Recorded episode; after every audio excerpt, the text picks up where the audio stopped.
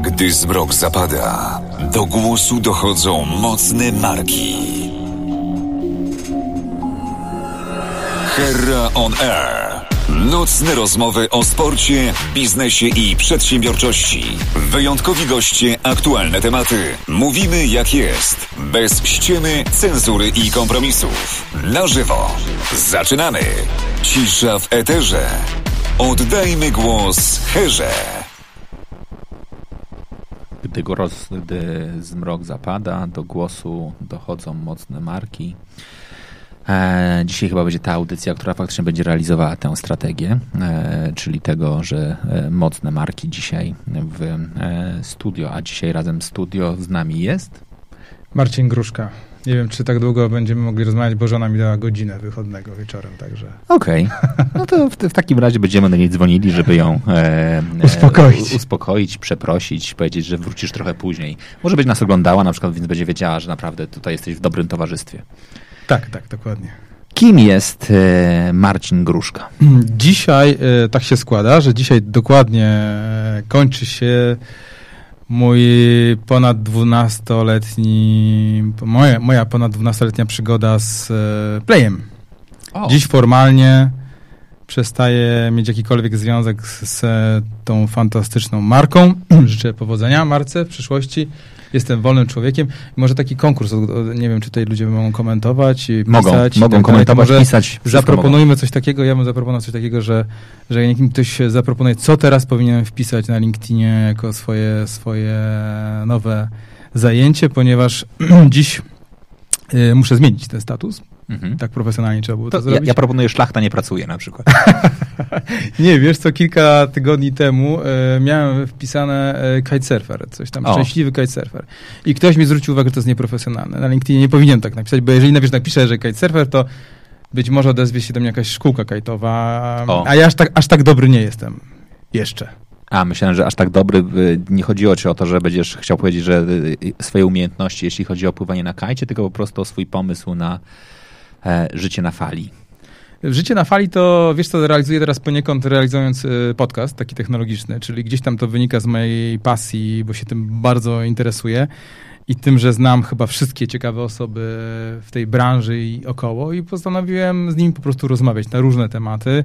E, chyba dzisiaj siódmy odcinek e, wypuściłem i jestem wys wysoko jestem w kategorii technologii. Technologia. Idzie całkiem nieźle. No bo wybrałeś sobie taką, te, wiesz, taką, e, taką kategorię, niszę. W, niszę, w której e, jak się znasz i masz dobrych gości, to na pewno jesteś bardzo wysoko. Poza tym robisz fajne rozmowy. Naprawdę jakby to jest e, jesteś jedną z tych osób, które faktycznie prowadzą dobre rozmowy. No. Ja może kiedyś Dziękuję bardzo, zachęcam, żebyście posłuchali. Halo Gruszka, nazywa się podcast. Halo. Gruszka. Tak, halo. Gruszka, posłuchajcie, ocencie sami. E, kilka dobrych rozmów. Szczególnie chyba ludzie bardzo chwalą rozmowę z Arturem Kurasińskim. Tam, tam e, odleciliśmy trochę wyżej nawet od technologii. Bardzo ciekawa rozmowa.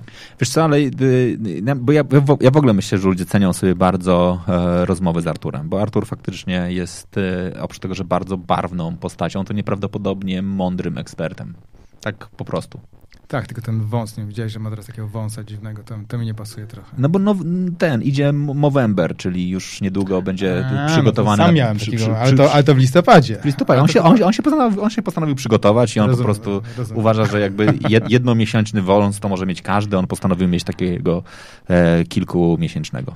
Może, może, może. Więc wracając do twojego pytania, ja jestem na fali, e, spotykam się poznaję różne ciekawe osoby, odpoczywam, prowadzę podcast, coś tam knuję, jakieś mniejsze lub większe projekty, ale na chwilę obecną jestem e, właśnie wolnym człowiekiem na fali. Okej, okay. no dobra. To w takim razie ja wytłumaczę zasady tego, tej audycji, e, żeby nasi widzowie czuli się z nami komfortowo. Pamiętajcie, może, możecie komentować i komentować możecie spokojnie na e, żywo. Możecie wpisać dokładnie, e, co Marcin ma mieć w komentarzu na LinkedInie, ale oprócz tego możecie zadawać pytania, które byście chcieli zadać E, Marcinowi. Jak zadacie pytanie, wtedy zapali się tutaj lampka. Ta lampka sygnalizuje, że jest pytanie od widza. Ja wtedy czytam pytanie od widza i, i, ty możesz odpowiadać na to pytanie tak długo odpowiadasz, aż odpowiesz dobrze. Jak odpowiesz dobrze, to lampka gaśnie, a jak odpowiesz źle, no to lampka się pali, pali, pali. Jest taki mój sposób na to, żeby sobie załatwić audycję, bo po prostu czasami na przykład lampka się pali bardzo długo i wtedy ja mogę sobie wyjść, a ty musisz sobie starać się e, odpowiedzieć. Więc Ale super. Zachęcam was naprawdę do tego, żebyście zadawali pytania, bo myślę, że taka ja tylko jeszcze jedno, okazja powiem, może się nie powtórzyć. Wojtek, wybacz, że ci wyjdę słowo, bo to jest konkurs, czyli osoba, która zaproponuje coś tak naprawdę fajnego, to ja zapraszam na kawę, na lunch, na, na piwo, na pizzę, no co tam chcecie po prostu. Naprawdę? Tak, tak, tak. Ty nie możesz brać udziału w konkursie. Widzowie. Czyli szlachta nie pracuje, ty nie wpiszesz? to jest wersja backupowa, ale, ale, ale, ale naprawdę napiszcie, może coś fajnego wymyślicie. Okej, okay, na pewno. Na, widzowie są bardzo e, kreatywni, w związku z czym na pewno coś e, e wartościowego nam tutaj e, napiszą. 12 lat w playu. Ja bym nie chciał bardzo długo rozmawiać o, na, o playu, ale nie uciekniemy od tej rozmowy. Czy ty pamiętasz w ogóle playa 12 lat temu? Tak, tak, doskonale pamiętam, bo wiesz co, to było... Od samego początku to było niezwykłe zjawisko. Ja przyszedłem z Orange'a, z wielkiej firmy, z firmy poukładanej. E, przyszedłem do firmy, której w zasadzie nie było, bo była takim, taką grupą... E, Hmm, powiedziałbym nawet trochę takich wyrzutków, wiesz, no bo ktoś, kto rezygnował wtedy z pracy w wielkiej korporacji, jak w Erze, czy w Plusie, czy właśnie w Orange'u, no to dużo ryzykował. Mhm. Czyli ci wszyscy ludzie, inżynierowie, prawnicy, cały sztab ludzi, który tam był, tak naprawdę dużo ryzykował. Ja, ja też byłem jedną z tych osób, która miała bardzo fajną pracę i Orange się wprawdzie zmieniał, odchodzi tam wtedy prezes, którego bardzo lubiłem, e, więc to był taki moment zmiany, zbliżenie się do telekomunikacji polskiej, ale no ta firma, nawet pamiętam jak Headhunter i mówił, słuchaj, wynegocjuj dużo kasy, mhm. Bo to jest projekt na pół roku, może na rok. Czyli ma tak być jakby... głośno o nim, ma go ktoś szybko kupić, bo taki jest biznesplan tego wszystkiego i to się skończy, wiesz, no i nikt, wydaje mi się, że nikt nie ma takiej osoby, która liczyła na to, że to będzie trwało tak długo. Myślę, że nawet właściciele tej firmy fundusze, które wiesz, zwykle wchodzą w takie inwestycje na jakiś czas, e, no nie zdawały sobie sprawy, że będą tak długo w playu. E, więc e, pamiętam tą firmę, pamiętam, że nikt to specjalnie nie wierzył. Ja przyszedłem dokładnie dwa tygodnie przed startem. E, duży chaos, duża, ale taka też fajna energia, taka wiesz, fajni ludzie. Tam była po prostu absolutnie e, na tak barwnych postaci w każdym obszarze. No i ja tak, wiesz, bardzo szybko wszedłem w to, no bo mm, no, to, to było niezwykłe, nie, nie, niezwykłe przeżycie.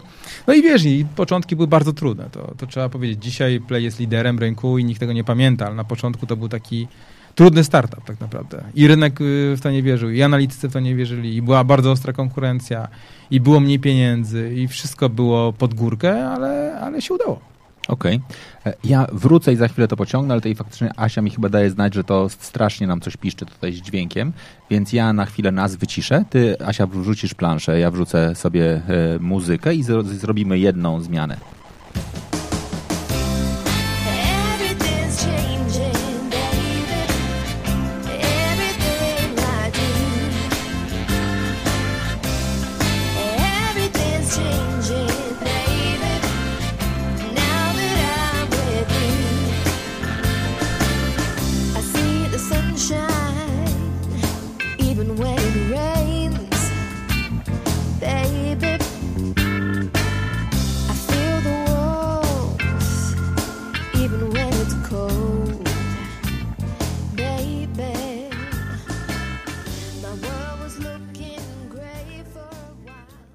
Wydaje mi się, że teraz jest czysto. Ach, jest przepięknie czysto. Faktycznie już nawet wiem, gdzie nam e, uciekał dźwięk i gdzie nam coś się działo niedobrego z tym dźwiękiem. To wszyscy, którzy nas słuchali do tej pory na YouTubie, e, zapraszam Was, a nie mogę Wam mówić, że Was zapraszam na e, Facebooka, ale faktycznie tam musieliśmy zakończyć transmisję, bo coś nam tutaj sprzęgało. Byliście spółką, która miała trochę e, mniej pieniędzy, negocjowałeś kontrakt krótkoterminowy, jak o tym mówiłeś, to trochę mi to przypomniało, jak negocjowali te trenerzy e, przychodzący do e, Polonii Warszawa za czasów, kiedy e, e, coś takiego, coś Woj, takiego. Wojciechowski nią zarządzał.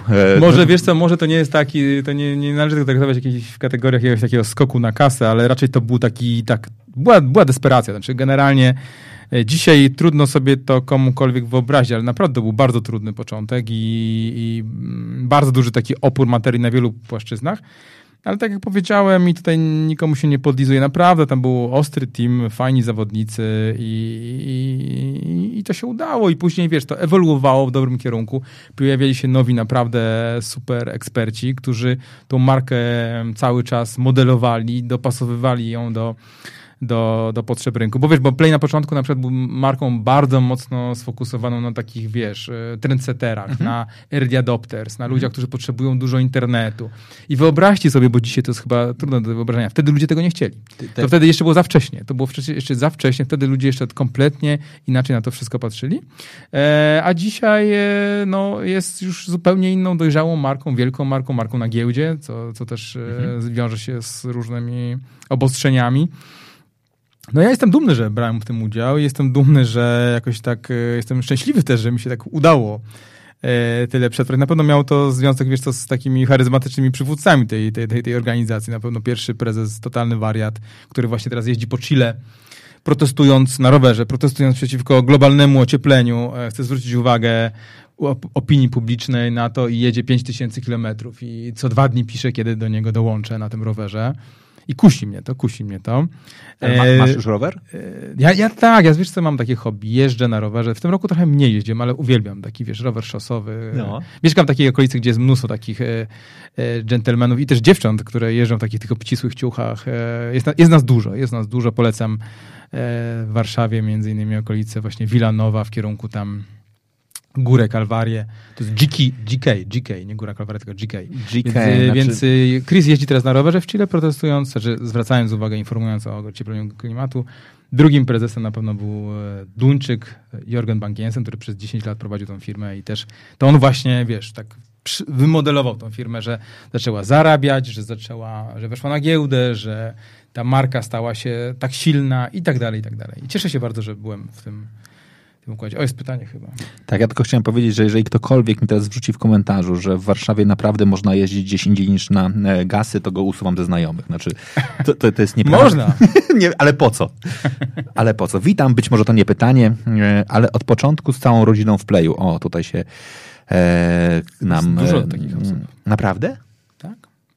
Regularnie takie osoby do mnie, do mnie piszą. Nawet dzisiaj, wyobraź sobie, spotkałem, bo dzisiaj rejestrowałem numer w playu i dzisiaj spotkałem e, człowieka przed salonem Playa, który powiedział właśnie, że mnie pamięta, że śledził moją karierę. Jest mu bardzo przykro, że mnie już w Playu nie ma.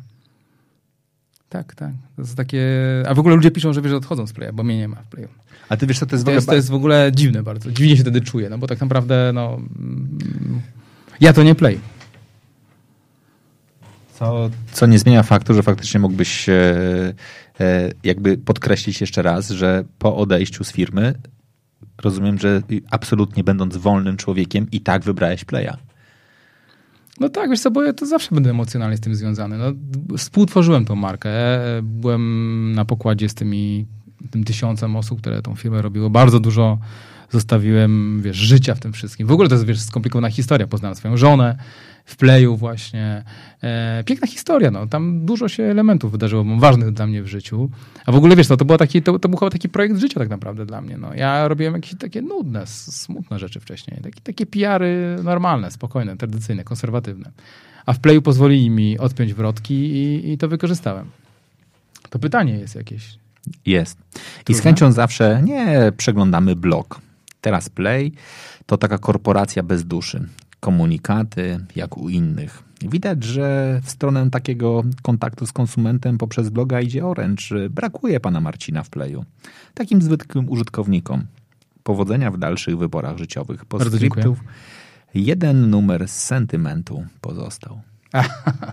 I bardzo dobrze, bardzo dobrze. Przepiękne. Przepiękne. No wiesz co, no to, to taki, ten komentarz trochę oddaje, um, wiesz co, to co robiłem i co było na pewno w jakiś sposób takie inne, innowatorskie. To znaczy ja wyszedłem z, tej, z tej strefy komfortu, wiesz, wysyłania komunikatów prasowych i rozmowy tylko z dziennikarzami, mhm. tylko zacząłem rozmawiać z ludźmi i, i, wiele takich sytuacji były, wiesz, tysiące, wydaje mi się, gdzie ja bezpośrednio z Kowalskim, bez względu na to, czy to był ktoś ważny, czy w sensie, czy jakiś influencer, czy nie influencer, czy po prostu, po prostu klientem, e, ja starałem się tym ludziom pomóc i, i rozmawiałem z nimi. Nie wszystkim mi się udało, bo było tego dużo bardzo. Nie mhm. byłem w stanie, nie byłem fizycznie e, tego zrobić. I wydaje mi się, tak myślałem, jak jadłem sobie do studia, że to było, takie, to było takie innowacyjne i pewnie wiele osób tego wcale nie uważam, że to było fajne, wiesz co, bo to jest takie otwarcie marki dużej korporacji mhm. na coś takiego, to nie wiem, czy to jest takie fajne, no, bo marka jest olbrzymim e, organizmem, takim, takim powiedziałbym, na to się wszystko patrzy z lotu ptaka, z lotu takiej, z takiej perspektywy makro, a ja byłem momentami bardzo taki mikro. Wiem, co ty, ty myślisz. No dobra, ale czy ty pamiętasz moment, w którym pierwszy raz dokładnie zrobiliście taki ruch, powiedzieliśmy, dobra, wychodzimy do konsumenta tak naprawdę? Bo to, jest, bo to jest absolutnie ciekawe, bo to, że to później zażarło i to, że później jakby faktycznie było tak, że ja się śmiałem, że faktycznie jakby zaczyna, zaczynałem nie wiem, na Facebooku dokładnie od tego, żeby zobaczyć jakby co, co, co zrobi rzecznik prasowy Play. Znaczy, czy, czy jest jakaś ciekawa historia, w której będzie się odzywał, ale w, w którym momencie to się zaczęło? to się zaczęło na samym początku, bo Play e, podczas okresu testowego, to się nazywało Nadchodzi 4, namawiał e, ludzi, e, uczestników tego testu, tych osób było około 20 tysięcy i część z nich, nie pamiętam już ile, kilkaset czy może tysiąc osób prowadziło takie mikroblogi swoje. Okay. I ja, żeby promować też tą platformę, no bo wiesz, jak się ten test zakończył, E, to gdzieś był ten potencjał, te mikroblogi gdzieś były i wtedy, wtedy pamiętam e, razem z teamem odpowiedzialnym za, między innymi za ten projekt, e, ustaliliśmy, że ja też się tam zaangażuję na tych mikroblogach ze swoim mikroblogiem. Mhm. Taki był początek bloga Rzecznika. I tam się, tam zacząłem pisać i nagle się okazało, że jest bardzo duży, wiesz, odzew. Nie było jeszcze wtedy Facebooka. A może gdzieś tam był, tylko ja go jeszcze w ogóle jak gdyby nie, nie, nie, nie używałem. E, I e, to był taki początek e, mm, tego, tego zaangażowania, bo bardzo dużo osób zaczęło do mnie pisać, wiesz.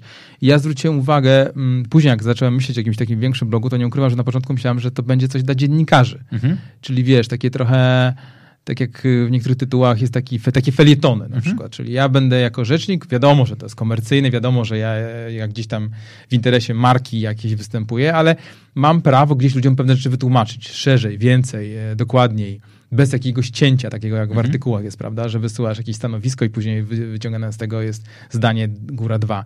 A masz do powiedzenia, wiesz, coś na, na 10 stron. Od tego się zaczęło, ale się okazało, że bardzo, wiesz co, mało dziennikarzy tam zagląda. Czyli dziennikarze zaglądali tam zawsze i miałem mnóstwo cytatów z tego przez te 12 lat.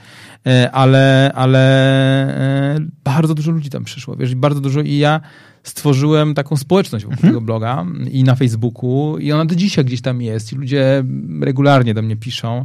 Mm, ostatnio widziałem taką książkę gdzieś na, na LinkedInie, że teraz nieważne są zasięgi, nieważni, nieważni są followersi, ważni są e, superfans. Czyli ci superfani, tacy naprawdę oddani fani marki. No ja tych fan, superfanów miałem od mhm. 11 lat. I to byli naprawdę ludzie, którzy, tak jak ja, no, takimi byli, nie, nie wiem, czy to jest dobre słowo, takimi szalikowcami trochę marki. No. Tak, o, my byliśmy takimi szalikowcami, ale nikt nie dostał, ale, ale to było takie wyraziste. Ja wiem, że to trudno sobie trochę wyobrazić dla innej marki, żeby mieć kogoś, kto na przykład tak bardzo lubi e, batonik jakiś. E, Wiesz co, Chyba a, nie. a ja myślę sobie, że jakby na poziomie wewnętrznej komunikacji to tak, na poziomie zewnętrznej pewnie nie. Znaczy, że ludzie tak bardzo mocno się identyfikują, pokazują. Faktycznie myślę, że to, to, to hasło bycie szalikowcami jest, jest dość mocne, byleby tylko faktycznie nie było tak, że no tak, tak, jak nie, szli, nie, nie, szli ludzie z playa i nigdy nie doszło ludzi, do żadnego, nigdy nie doszło do żadnego rękoczynu, wiesz, mimo jakiś, tak jak to mówią niektórzy dziennikarze, moich ustawek i czy tam jakichś pojedynków z kolegą z Oręża, nigdy nie, do, nie doszło tam do żadnego spięcia. Okej, okay. Krzysztof zadaje pytanie, tak z ciekawości. Marcin, byłeś twarzą Play. Z pewnością zostanie, e, z pewnością rozstanie nie było łatwe dla obu stron. E, czy dostałeś jakąś klauzulę, że nie możesz wiązać się z inną siecią na podobnej zasadzie jak w Play? Pozdro. Mm, dzięki za pytanie. Nie, nie dostałem e, żadnej klauzuli, jestem wolnym człowiekiem, ale nie wybieram się do, że ani też nie dostałem ani propozycji żadnej z innego operatora, ani się nie wybieram, ani też nie będzie żadnego spektakularnego przejścia z moją kartą SIM do innego operatora. Ja chcę zostać w Play nawet prywa jako prywatna osoba będę dalej klientem Playa. I, I, wiesz, i teraz jest też problem taki, na przykład byłem teraz ostatnio na Helu. Mhm. No i tam rzeczywiście, tam gdzie ja byłem na tym kempingu, no słabo było z tym zasięgiem. No i tak ludzie właśnie odbierali to, że no jak ty możesz napisać, że że jest słaby zasięg. No, no akurat tam miałem problem. W tym miejscu akurat konkretnym, e, co wynikało z różnych rzeczy, mm, ale wiesz, jesteś taką osobą, ludzie na ciebie patrzą i pewnie przez jeszcze przez jakiś czas cokolwiek napiszę na temat sieci, no to będzie to odbierane jako gdzieś tam jakiś atak, czy, czy jakaś, jakaś taka uszczypliwość pod, pod e, kierunkiem play. Ja tego nie chcę w ogóle, kompletnie mnie to nie interesuje. Ale odpowiadam na pytanie, nie mam żadnej klauzuli, jestem wolnym człowiekiem, kompletnie w ogóle jestem po prostu w czerwcu już mogłem gdzieś zacząć pracować tak naprawdę, ale chciałem odpocząć to ja mogę powiedzieć zupełnie, e, tak trochę się to zbiegło, zupełnie przypadkowo. Ja w tym roku, ponieważ zawsze miałem na Półwyspie e, przeboje z internetem, postanowiłem się zabezpieczyć, wymieścić taką e, ofertę z takim zewnętrzną anteną, nawet taką, taką takim, ja, tak, takim jakby... Nie są, wiem, są, są. W Playu też. No, no właśnie, no, nie, no właśnie, mam myśleć, że to było, było, było w Playu, chciałem sobie to kupić, nawet sobie kupiłem to i byłem gotowy zawieść, ale w tym roku nam podłączyli stare, stałe łącze do przyczepy. Rozumiesz, to mam stałe łącze w przyczepie. Ale jaja, no. No. Szacun. Szacun. No normalnie Szacun. do tej pory zawsze musiałem jeździć do... do, do musiałem robić, tak, przykład jak robiłem jakieś takie, wiesz, większe prezentacje, to musiałem jechać do McDonalda, do, do, do Pucka, żeby... Ja do, ja do Kuźnicy jeżdżę. Ja jak, jak chcę coś wysłać, to jeżdżę do Kuźnicy. A, a, a ja, ale ja, ja do Pucka zawsze jeździłem do Maka, żeby tam ewentualnie coś wysłać, ale w tym roku już mam stałe łącze, więc generalnie... Nie, u nas na kempingu jest mnóstwo ludzi, to nawet robią taką sesję zdjęciową. Ludzie ustawiają sobie takie nadajniki specjalne, wchodzą na drzewa dosłownie, Aha. wiesz co, i takie anteny kierunkowe, bo tam jest źle, no po prostu, wiesz, no bo na Helu umówmy no się, no ludzie są przez dwa miesiące, no. później przez 10 miesięcy nie ma tam prawie nikogo. Z wyjątkiem tych ludzi, którzy wiedzą, jaki, jaki piękny jest Hel zimą i, i jesienią. E, więc ten zasięg jest naprawdę tam wystarczający w tym czasie. Mhm. Tak jest, dobra. Cześć Marcinie, jestem ciekaw, jak z perspektywy czasu oceniasz PR, skuteczność takiego projektu jak Play e, Weekend. Sporo osób e, łuka, słucham co? Że, a, że to nie, że to Nevrati. No Play Weekend to nawiązanie do tych super fans. To było takie spotkanie co roku. Robiłem taki, taki zjazd i przyjeżdżali tacy najwięksi, najwierniejsi, najbardziej aktywni użytkownicy, którzy wiesz, e, pisali na blogu, brali udział w konkursach, pisali na Facebooku, na Twitterze. Ja takich osób, ja wychwytywałem takie osoby i zawsze też pokazywałem im firmę od środka. To znaczy, wychodził człowiek na przykład od budowy sieci, opowiadał, jak to jest tak naprawdę. Ci ludzie, na przykład pamiętam kiedyś, mieliśmy takie dla nich zajęcia, że oni naprawdę projektowali sieć, czyli spojrzeli konkretnie, jak na przykład w Wawrze, niedaleko jesteśmy, jak ciężko jest ustawić nadajniki, jak, jak to działa w praktyce. E, no i, ale to było, to było skierowane dla takich naprawdę osób zaangażowanych, dla ludzi, którzy naprawdę chcą wiedzieć więcej. E, no zrobiłem tego chyba z 10 takich edycji, nie wiem. W ostatnim roku niestety nie zrobiłem, no w tym roku nie zrobię. Może, może moi koledzy i koleżanki, którzy tam zostali, dalej będą to robić, bo warto, bo na pewno warto i jeżeli marka jest e, otwarta. I to też było bardzo fajne, bo ja podchodziłem do menadżerów, wiesz, do szefa strategii, do szefa komunikacji, do Basi i Maćka, mieliśmy mhm. też z nimi połączenie i to wszystko grało. Ci ludzie, wiesz, nie, trakt, nie traktowali tych 20 chłopaków, zwykle, przede wszystkim to byli e, faceci niestety, e, przepraszam, poznaję, bo kilka razy była dziewczyna jakaś, ale ogólnie to, to, to, to byli panowie i to było takie bardzo fajne, wiesz, ci ludzie chcieli, bo wiedzieli, że gdzieś tam to e, napędza. To by tacy ludzie, wiesz, są takie portale telekomunikacyjne, możesz ich, możesz ich nie znać, bo normalnie ludzie tego nie potrzebują, nie czytają tego i, i chwała im za to. Mm, ja czytam regularnie i tam jest, wiesz, dużo dyskusji różnych i ci ludzie też brali udział w tych dyskusjach i pisali sami od siebie, ja im nigdy nie płaciłem, nie było czegoś takiego, wiesz, jakieś takie działania, że są jakieś podstawieni, jak to jest jakieś określenie na takie osoby, teraz mi wypadło z głowy. Nie, nigdy czegoś takiego nie było, ale ci ludzie po prostu znając od... od klakierzy. O, o, o, klakierzy, a to się jakoś nazywa, już teraz cholera wypadło mi starość, nie radość. E, słowo, ci ludzie po prostu znając pewne procesy, mhm. gdyby odpowiadali, ja to, to często, wiesz, było to dla mnie niezwykłe. Jak widziałem, jak ci ludzie sami, wiesz, z imienia i nazwiska za, za nic, za zero złotych, bo tłumaczyli ludziom na przykład, jak to jest z tymi nadajnikami na przykład. Bo, bo, bo wiesz, posiadali tą wiedzę z pierwszej ręki i zupełnie inaczej na to patrzyli. No, to było niezwykłe, wiesz, więc ja mm, to był jakiś taki kamyczek, bo nie przeceniajmy, to nie jest coś, co budowało siłę marki, bo ja zawsze w ogóle uważałem, że, że PR to jest coś takiego, wiecie, jest taki, jedzie olbrzymi walec taki, olbrzymi walec ATL-owy, czyli mhm. telewizja, E, wszystko, co jest w BTL-u, czyli sklepy, przepiękne, tysiąc sklepów w wszystkich galeriach. A na, na, na czubku tego, tego, tego, tego walca siedzę ja, jak taki ninja trochę, jak taki trochę snajper i tak rozglądam się po okolicy i patrzę, o tam coś trzeba zrobić, no to skaczę, załatwiam coś. Tutaj jakieś ognisko trzeba za, załatwić. To nie było, to nigdy nie było tak, żeby rola PR-u była jakaś taka, wiesz, decydująca. Akurat wydaje mi się, że ludzie mnie kojarzą, no bo ja występowałem do ludzi, ale naprawdę, słuchajcie, w Play jest mnóstwo fantastycznych osób, super, super odjechanych e, ludzi, którzy robią tą markę. E, oni, oni zostawiali, zostawiali, zawsze w drugim szeregu.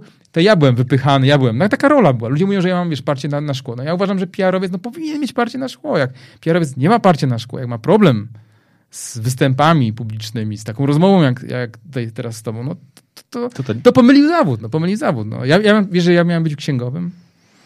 Finanse bankowe skończyłem hmm. i, i, i tam bym chyba bym się nie sprawdził, ale chociaż kto wie. Okay. Pytanie chyba było. Czy... Już e, tak, jest nawet jeszcze tutaj jedno. Natomiast ja, ja bym chciał wrócić do jednej rzeczy, ty, powiedziałeś o tych dokładnie jakby spotkaniach e, realnych z e, fanami takimi e, no tu, no tak. tu, turbofanami. To jest w ogóle niesamowite, bo dzisiaj coraz częściej ludzie mówią o no, szeroko rozumianym community managemencie, że nie da się zbudować trwałej e, społeczności, jeżeli budujemy ją tylko online. Znaczy, jakby wszyscy dzisiaj duzi od jakby zarządzania społecznościami mówią, jeżeli nie masz cyklicznych spotkań z fanami w realu, tak, tak zwanym, takim klasycznym, to nie zbudujesz trwałej społeczności, również konsumenckiej, dookoła marki, tak? Znaczy ludzie potrzebują jakby mieć nie tylko to, że jesteśmy w grupach, nie tylko to, że się Tak, klik, tylko wiesz, to się, tylko to się też robi też na różnych poziomach. Ja myślę, że na przykład Play robi to bardzo fajnie na, na festiwalu Poland Rock, gdzie mhm. jest y, olbrzymia strefa Playa i nie tylko zresztą Playa, kilku marek innych, gdzie jest taki, wchodzi się w tą taką interakcję z marką w taki sposób, mm, no może nie tak dokładny jak u mnie, ale jest ta marka, są te kolory, są ci ludzie i to jest fajne. Ale są też taki, tacy ludzie, którzy potrzebują podejść do ciebie i przybić tą piątkę. No i właśnie ja byłem takim przybijaczem piątek, bo ja byłem, wiesz, z imienia, z nazwiska wystawiony i, i zarówno tak jak miałem fanów, tak i też miałem, wiesz, wrogów, przeciwników, ludzi, którzy po prostu nie lubili tego, co robię. E, ale to wszystko wpisywało się ryzyko tego, co robiłem i też mi to dawało fan. Okej, okay, ale branżowo, właśnie jak, jak jesteś oceniany w branży przez e, kolegów, mam na myśli jakby ludzi? Nie wiem. Ludzie mówią, że ty jesteś wariatem w ogóle tego PR-u i dlaczego... Nie, nie wiem, znaczy wiesz co, wydaje mi się, że, powiem tak, wydaje mi się, że to, co się stało w Orange'u, on też się zmienił bardzo, może poszedł trochę swoją drogą, ale tak naprawdę zwróć uwagę, jak, jak porównasz to trochę, to to było trochę podobne. My się różnimy osobowościami z, z Wojtkiem, mhm. ale gdzieś ta strategia w pewnym momencie wyjścia tak do ludzi też zadziałała i działa e, bardzo fajnie. Są też takie marki, które tego nie robią. Ja nie wiem, wiesz co, trudno mi powiedzieć, to jest, to jest nigdy na ten temat z nikim nie rozmawiałem. E, różne opinie usłyszałem. Kiedyś pamiętam w jakimś branżowym miejscu napisałem, że nie lubię e, komunikatów prasowych, bo w sumie mógłbym robić je codziennie. Mhm. E, jest to dosyć stresujące w organizacji, bo musisz, wiesz, pokazać to prezesowi, jeszcze jak prezes jest anglojęzyczny, to musisz tak naprawdę dwie, dwa razy pisać, no bo później tłumaczenie i tak dalej, i tak dalej, więc dużo czasu później wysyłasz to do tych stu dziennikarzy w tej bazie, co jakiś czas coś trzeba bazę poprawiać, ktoś nie, nie publikuje tego, ktoś nie jest tym zainteresowany. W ogóle współczuję dziennikarzom, którzy dostają mnóstwo tych komunikatów mhm. prasowych każdego dnia. E, I ktoś napisał, pamiętam, na tym, to, była chyba, to był chyba proto, taki serwis dla PR-owców. E, ty, Gruszka, tego nie przecież z lenistwa. No i można, można tak powiedzieć, to trochę tak było, mm, no bo to jest wiesz, takie podstawowe narzędzie PR-u, mhm. komunikat prasowy. Ja to ogarniałem na pewno w dużej części przez bloga, też pisaliśmy komunikaty prasowe, jak to było potrzebne, mm, ale, ale, ale, ale nie wiem, wiesz, to na pewno PR się bardzo zmienia. PR się bardzo, bardzo zmienia i ja jestem z tej starej szkoły, która nie miała budżetu w ogóle na PR, a dzisiaj są duże budżety na PR i są też miejsca, gdzie te budżety można wydawać, więc wiesz, wszystko można fajnie zaplanować, wszystko można fajnie opakować, wszystko można fajnie napisać i wszyscy są zadowoleni.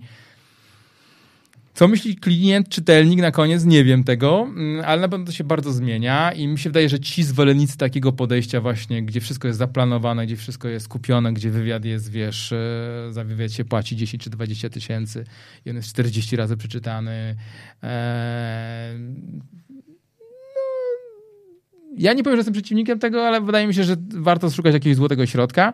Ale są tacy zwolennicy, którzy uważają, że, że to nie jest potrzebne i, i życzę im powodzenia. No. Nie wiem, ja jestem zwolennikiem na pewno tego, że gdzieś e, PR powinien być bardzo intensywny w tych nowych mediach i powinien się bardzo rozwijać. Powiem ci, że nawet chciałem założyć jeszcze, jak byłem w Playu, swój kanał na TikToku. Miałem taki pomysł. I? Tak, tak. No i nie udało, nie zdążyłem, ale miałem. Ale swój w sensie... Swój taki trochę PR-owy, no. Taki, PR... wiesz, no, także, także tak. chciałem trochę tak, wiesz, z przymrużeniem oka, ale to jest na przykład taka platforma, która się bardzo rozwija. No. Wielu marketerów jej nie rozumie. Moja córka na przykład siedzi non-stop na, na TikToku i, i jest wielkim fanem tego narzędzia. I dlatego ja uważam, że w marketingu czy w PR-ze non-stop powinniśmy oglądać się za nowymi trendami, szukać tych nowych trendów. E, I e, ja sobie wyobrażam, teraz powiem coś strasznego, ja sobie wyobrażam PR bez dziennikarzy. Ja sobie wyobrażam robienie PR-u bezpośrednio do konsumentów, do ludzi, jak robisz to, wiesz, z dużymi nakładami finansowymi, jak rozmawiasz z ludźmi, gdzie tak naprawdę dziennikarze są trochę z boku po prostu, bo, bo też ich się rola zmienia. Zwróć uwagę, że jest coraz mniej dziennikarzy w ogóle, takich dobrych w ogóle. Jak ja zaczynałem, to było wielu mistrzów takich od telekomunikacji, to były poważne, duże teksty w Gazecie Wyborczej, w Rzeczpospolitej, olbrzymie, wielkie teksty na temat telekomunikacji. Dzisiaj tych tekstów jest zdecydowanie mniej. E, zostali jeszcze, zostało jeszcze kilku bardzo dobrych dziennikarzy, ale dzisiaj ludzie raczej, wiesz, czego innego oczekują i to dało szansę na rozwinięcie, e, wiesz, blogów z bardzo subiektywnymi opiniami i tam są teksty różne, bardzo dobre, bardzo słabe, ale się dzieje tam po prostu dużo, dużo ruchu i ludzie klikają w to i krytykują. Ja, ja na przykład czytam bardzo często Spiders i lubię tą, tą mhm. politykę Przemka, szefa tego, tego portalu, bo, bo, bo, bardzo podoba mi się, jak wiesz, wszyscy mówią, ale to jest super, ale to jest super, a przynajmniej mówi, to wcale nie, nie jest super. super. I nagle jest 100 tysięcy komentarzy, co, co za głupi tekst. Ale wiesz, on, on żyje też z tego, że właśnie ta dyskusja jest wokół niego i on czuje świetnie nowe media. E, nawet jeżeli czasami jest kontrowersyjny, ludzie złośliwi nazywają go technopudelkiem e, e, polskim, ale e, wszyscy używam technologii. Wszyscy używam technologii, nie muszą być te technologie takie niedostępne, skomplikowane. No to co powiedziałeś, że e, jesteś w stanie sobie wyobrazić PR bez e, dziennikarzy jest e, no, dosyć mocną tezą. Akurat niestety myślę sobie, że to, że tu siedzimy dzisiaj, robimy audycję jest no pewnego no tego typu dowodem. No jakby... No ty jesteś, jesteś dziennikarzem? Czy Absolutnie, nawet, nawet, w życiu, nawet, nawet nie ma no takich, a, a, jestem po prostu no gościem, który jest ciekawy ludzi e, i sobie pomyślał, że będzie rozmawiał z fajnymi ludźmi na fajne tematy i akurat dzisiaj mam taką przyjemność. E, ale mamy taką, no, no, nazywamy to pewnie ładnie e, demokratyzacją treści, no i jakby, no to, to wiesz, no faktycznie dzisiaj e, różnica między odbiorcą treści, treści a twórcą już jest żadna, no jakby i dokładnie, dokładnie tak. jesteśmy za ten, ale to jest dobry, dobry moment, bo faktycznie jeszcze Bogumiła napisała nam, że super były też te prezentacje wideo po wprowadzaniu nowej oferty, zawsze klarownie wyjaśniało i to zachęcało do przeniesienia numeru do Play. Cześć. No strasznie mi miło, no szkoda, że pan prezes Playa nie czyta po polsku, bo powinien te komentarze poczytać, bo, bo miło jest, no. Może ktoś mu poczyta. nie sądzę, nie sądzę. Ci, co, którzy mu doradzają teraz, to raczej niczego mu takiego nie będą pokazywać. Nie będą mu tego pokazywać? Okej. Okay. a szkoda, a szkoda. A, a, a szkoda. E, bo wydaje mi się, wiesz co, że naprawdę dużo ciekawego w Playu się robi. Ciągle Play jest w ogóle absolutnie w awangardzie, słuchaj. E, rynek się zmienia, wiesz, mhm. rynek się zmienia. Nie ma już challengera na rynku. Teraz wszyscy tak naprawdę odcinają kupony, czyli zarabiają na tym, ceny idą w górę. Więc też się zmienia to wszystko. Mm, być może to za kilka lat będzie wyglądało tak jak, czy za rok będzie wyglądało tak jak ja kiedyś, jak ja przychodziłem z Orange'a, bo tak to wtedy wyglądało. Wtedy była nuda na rynku mhm. i nagle pojawił się ten szurnięty play. No, te pierwsze reklamy pewnie pamiętasz, te e, które? Teraz powiedz, powiedz które. No nie pamiętasz na przykład taką reklamę z tortem, z kiełbasami. Tak. No pamiętasz ją? No, no, no, to, no to nikt czegoś takiego nie robi. W ogóle ludzie zatrzymywacie. Wiesz co, ja, ja, ja wtedy się bardzo uczyłem marketingu, wiesz, bo bo to było niezwykłe. to było niezwykłe. O tym rozmawiali wszyscy. Mhm. Wiesz, teraz ja, po, ja pochodzę z południa Polski i pamiętam, byłem na takich, wiesz, yy, weselach yy, mocno prowincjonalnych, zaklapia, zakrapianych alkoholem i nagle wszyscy byli specjalistami od, od komunikacji. Ksiądz u nas powiedział, że do playa nie można iść, bo to są sataniści. I tutaj było nawiązane do zdjęcia, gdzie były ucięte palce, gdzie y, kreacja mówiła o tym, że wiesz, nie musisz już liczyć na palcach, ile tam to będzie kosztować, nie potrzebujesz tego, no to ciach te paluchy. Pamiętam e, tłumaczenie właśnie a propos, co robi rzecznik prasy, pamiętam, byliśmy w komisji etyki reklamy i tłumaczyliśmy, że to jest czekolada, nie krew. E, taka była linia tłumaczenia tego, ale to wtedy było, zrobiło olbrzymie zamieszanie. Dzisiaj już nikt czegoś takiego nie zrobi. Dzisiaj będziemy po prostu oglądać te same e, platformy, które działają. E, no chyba, że ktoś nagle wyskoczy z jakimś fajnym pomysłem i, i jakiś, jakiś e, zadziwi rynek, ale takiej rewolucji jak była wtedy raczej się nie spodziewam. Okej. Okay. To ja w kategorii rewolucji e, pewnie będę pytał jeszcze o tą historię rewolucji, czyli przejścia właściwie wszystkich sławnych, rozpoznawalnych osób do Play. To był taki moment, kiedy naprawdę, jeżeli chciałeś się dowiedzieć, kto jest sławny, to musiałeś zobaczyć, kto, kto, gra teraz, kto gra u was w reklamie. Skąd to się rodziło? Znaczy, skąd się pojawił pomysł pod tytułem sorry, przewalimy straszne budżety na to, żeby pokazać, że każdy, kto się liczy, jest w Play. Wedle mojej najlepszej wiedzy to było tak, że na początku Playa, kiedy Play wchodzi na rynek, były takie koncepty. Były takie pomysły, żeby angażować gwiazdy, ale to wiązało się ze sporym ryzykiem. Były różne sytuacje nie najlepsze. Nie wiem, czy pamiętasz taką głośną sprawę z PZU na przykład, mhm. gdzie tam dwóch kierowców było to zaangażowane. Takie strasznie stare sprawy, ale wtedy jak gdyby e, ten klimat nie był za, za dobry dla współpracy z celebrytami. Później nastąpił taki projekt, gdzie Play uczył ludzi korzystania ze smartfonów. Mhm. E, z Huawei'em, no, no, notabene. E, I to był bardzo fajny projekt, bardzo, bardzo ciekawy, bardzo nowatorski, bardzo taki, taki właśnie też rewolucyjny. I tam wystąpił Kuba Wojewódzki. Mhm. E, i, I to był szok, wiesz co, bo wszystkie słupki, a wiesz, że w korporacjach się analizuje wszystko, poszły, wiesz, jak pionowo w górę, absolutnie. Żadna inna kreacja nie, nie, nie, nie żarła, tak się mówi teraz, nie mhm. żarła tak dobrze jak, jak, jak to. I nagle wszyscy na to zaczęli, zaczęli zwracać uwagę i, i Bartek Dobrzyński, który tutaj e, za płotem blisko mieszka, pozdrawiamy. Pozdrawiamy o, ile nas, o ile nas słucha. Obiecał, że będzie słuchał. E, pamiętam, że, e, że E, on zmiksował te pomysły, wiesz, że, że, to chyba z tego, co ja pamiętam, to, to e, faktycznie Kubę przyniosła agencja z tym pomysłem, z tym konceptem, ale później Bartek i jego team, patrząc na to, jak to, na, na ten performance tego, tego pomyślał, hej, a a czemu nie pójść grubiej? E, I pamiętam pierwszą konferencję, jak tych, tych gwiazd tam się pojawiło 5 czy 6 naraz i to było naprawdę, wiesz, to coś naprawdę rewolucyjnego i to było takie chciałem powiedzieć brzydkie słowo, takie uderzenie mocne naprawdę. Pierdolnięcie chciałeś powiedzieć moim zdaniem. I, I naprawdę zrobiło świetną robotę i powiem wam też jako, jako ciekawostkę, ale być może się ludzie tego domyślają, że, że Basia i Maciek to bynajmniej nie miały być żadne gwiazdy. Mhm. Basia i Maciek to byli jak profesjonalni aktorzy, którzy mieli swoją, do odegrania swoją konkretną rolę, Maciek miał być tym takim poważnym doradcą sklepowym, takim trochę geekiem, a Basia taką śliczną, troszeczkę e, głupiutką, mhm. chichra, chichra, chichrającą się sprzedawczynią. E, ale jednak bardzo szybko się okazało, że ludzie pokochali tych, tych, tych, tych, tych aktorów. Ja pamiętam pierwsze, pierwsze nagrania, to w ogóle oni byli tacy, w ogóle wiesz, e, zupełnie wtedy na, na, na scenie rządził Kuba, mhm. inne gwiazdy. Oni byli, oni byli trochę tam przypadkiem, ale bardzo szybko e, zrobili świetną karierę. E, no i dzisiaj są, to oni są tak naprawdę twarzą Play. Nie, nie, nie Gruszka, tylko, mhm. tylko Basia i Maciek. To są, to są twarze Playa i, i świetnie sobie radzą i świetnie to ciągle działa. Były różne pomysły, trochę zmiany tego konceptu, ludzie pewnie tego nie zauważyli, ale były takie zmiany.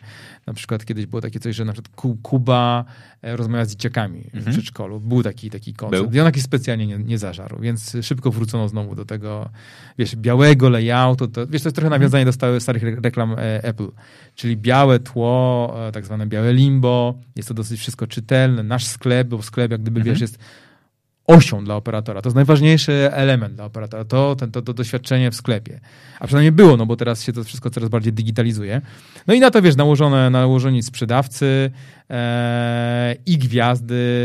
No, no świetny koncept e, i to zażarło i, i powiem ci, a jeszcze jedną rzecz chciałem ci powiedzieć, że, że, że mylisz się myśląc, że to jest jakieś olbrzymie obciążenie finansowe, bo to jest bardzo sprytne podejście.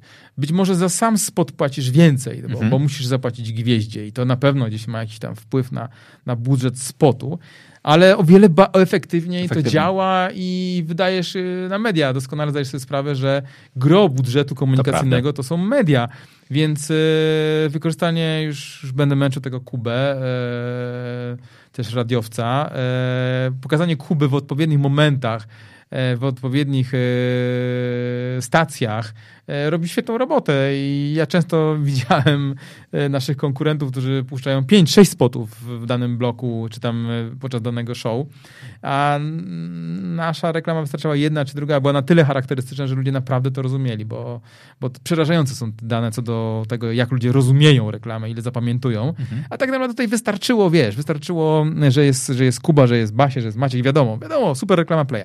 Powiem ci jeszcze ciekawą jedną sytuację. Był taki moment, że dwóch, dwie gwiazdy gwiazdy odeszły z Playa. To nie jest też żadna tajemnica, więc chyba mnie prawnicy tutaj nie podadzą do sądu.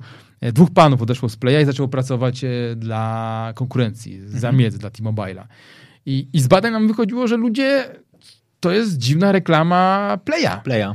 Tylko dlaczego tak ciemno? Idzie jest Basia, idzie Maciek. Tak wychodziło Aha. z badań, e, wiesz. E, i, I nasz kolega, nasz konkurent przestał robić reklamy w windzie, mhm. bo tam też był taki koncept, w windzie, więc jesteśmy bliżej. W windzie generalnie ludzie rozmawiają ze sobą, jest tak, tak, tak kozy. Tak jak my mamy tą, mieliśmy tą, mamy tą platformę, my, przepraszam, Play ma platformę sklepu, tak tam była platforma windy i tam właśnie tych dwóch panów wpuszczono do tej windy. No i wszystkie badania pokazywały, hej, to jest reklama Playa, tylko tak, tak ciemno, nie ma białego koloru, gdzie Basia i Maciek. Więc ten, e, to się przyjęło i Boże, ile to lat już trwa i, i ciągle chyba ma się dobrze. No. Teraz Bońka widziałem. Mhm.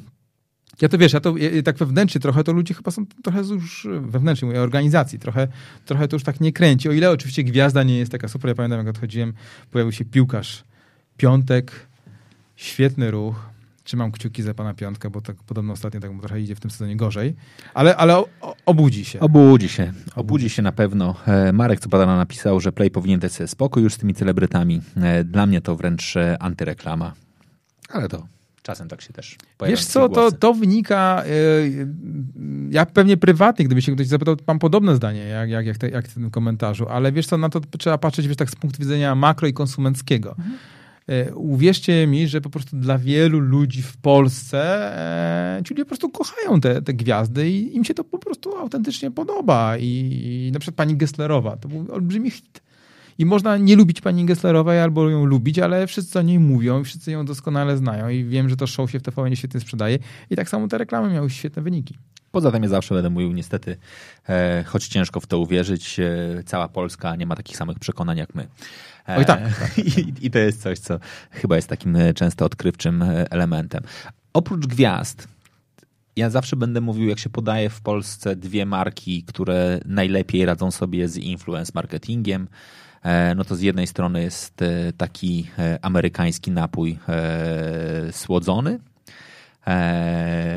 który jest wskazywany jako absolutnie jakby totalny jakby influence marketing i na drugim miejscu jesteście wy, jeśli chodzi o dobre zarządzanie influencerami. Znaczy nie my. Znaczy, dobra, play. Play, play. Cały czas o tym playu rozmawiamy. No tak, tak, tak. To jest świetna robota. To jest absolutnie pozdrowienie dla teamu, ile mnie słucha.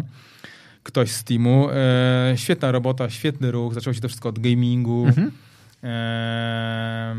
Duża inwestycja z tego, co mi się wydaje dzisiaj w stajni Playa jest 30 kilku influencerów z różnych kategorii e, i z różnych platform, nie tylko z YouTube'a i to wszystko naprawdę świetnie się kręci. To są naprawdę E, spore pieniądze, ale pieniądze, które są efektywnie wydawane. To jest właśnie wiesz, to taki ten trend, który ja widzę, cały ten trend, który właśnie tego odchodzenia od tradycyjnych mediów, odchodzenia od telewizji, chociaż, chociaż influencerzy, influencerzy też się pojawiają w mhm. reklamach Playa. Było kilka takich przypadków, ale to działa naprawdę świetnie. Jest to naprawdę pomysł, chciałem powiedzieć świeży, ale to już nie jest świeży pomysł, no bo to już trwa od jakiegoś czasu, ale na pewno silna pozycja i, i, i, i póki ten trend się nie odkręci, a póki co nic nie zapowiada, może kiedyś e, podcasterzy zostaną influencerami. No, o mnie się mówi, że jestem wiesz, to, bezrobotnym telekomunikacyjnym influencerem. A przy okazji trwa, przypomnę, Ale jesteś, no. przy, przypomnę konkurs. Przypomnę konkurs. E, proszę wymyślcie, jak podpisać mnie na, Insta, na LinkedInie, moją, moją obecną fuchę. Pamiętajcie, że nagrodą jest e, obiad. Jeżeli wpiszecie szlak, to nie pracuje. To jest mój pomysł. Ja się podzielę tym obiadem. Tylko nie, niech ktoś go wpisze. Więc e, tak, influencerzy to świetny temat. Ja wiesz, ja na wielu konferencjach mówiłem różne przykłady. Nawet ostatnio z kimś rozmawiałem na temat e, to jest naprawdę niezwykle efektywna, efektywny, efektywna platforma. Okay. Ja pamiętam taką sprzedaż kiedyś kart SIM prepaidzie z podobiznami tych ludzi. Tam szacowano, że to potrwa za dwa tygodnie sprzedaż. Sprzedało się wszystko, wiesz, w jeden dzień. no troszeczkę dłużej. Ale później był drugi, drugi problem, wiesz, bo dla operatora nie jest y, najważniejsze sprzedanie samej karty SIM, tylko żeby ktoś z tej karty SIM zaczął korzystać, mhm. a najlepiej ją doładowywał i tak dalej. Pamiętam to, jak, jak yy, poszedł komunikat do tych influencerów, słuchajcie, poproście swoich fanów, żeby jednak włożyli te karty do telefonu i zaczęli je używać. No i tak myślę, że w godzinę, dwie, trzy, 60% ludzi włożyło. Naprawdę? Yy, wiesz, a tych kart było 100 tysięcy. Nie ma takiego drugiego przykładu. Z całym szacunkiem do Kuby, nie Wasi, ma. Maćka znaczy, i tak dalej. Yy, tak by się nie zdarzyło w żadnym innym kanale, też z, z żadnymi innymi oczywiście konsumentami, ale tutaj zadziałało to świetnie i no i, i działa do dzisiaj, aczkolwiek to ma też w jakiś, wiesz, czasami momentami swoje ryzykowne e, strony. I wtedy jest potrzebny rzecznik prasowy, wtedy jest PR potrzebny. Jak trzeba coś tam posprzątać, mhm. jak się okazuje, że któryś influencer coś tam nafikał, e, no to wtedy wchodziłem ja cały na biało i, i świeciłem oczami, przyjmowałem na klatę różne, różne strzały i był, było tak czasem, bo wiesz, bo to jest taka, bo to jest taka prawda jest taka, że mm, to są w większości młodzi ludzie, mhm. profesjonalni, ale też do pewnego poziomu, e, którzy robią coś z pasją. Jak robisz coś z pasją, no to robisz to autentycznie, taki jaki jesteś, więc czasem przeklniesz, czasem zrobisz coś ostrego. Niektórzy z nich zrobili swoje kariery na przedziwnych e, aktywnościach, zdziwiłbyś się. Ja nie zapomnę, jak ludzie do mnie pisali, czy wiesz, że ten, ten youtuber to, wiesz jak on zaczynał w ogóle? Ja mówię, no nie, nie, nie wiem. E, I ludzie przeróżne rzeczy robią. Jakbyś chciał zrobić taki kanał efektywny, to spróbuj pomieszać różne dziwne napoje i na pewno i pokaż ludziom reakcję swojego organizmu na to i podejrzewam, że skoczy ci ten stary koleś e, robi takie rzeczy, dajmy mu suba. I być może nagle zbudujesz swoją masę. Oczywiście to było kiedyś dawno temu, e, ale, ale, ale nie zapomnę, kiedyś była taka sytuacja kryzysowa z jednym youtuberem i musiałem obejrzeć, yy, chciałem zrozumieć o co chodzi. Tam była jakaś drama, czyli konflikt taki między jednym youtuberem a drugim youtuberem i, i oglądałem te, te kulisy tej dramy. Spędziłem kilka długich godzin oglądania, na oglądaniu tego i to była strata, strata kilku godzin w życiu, bo to było naprawdę bolesne.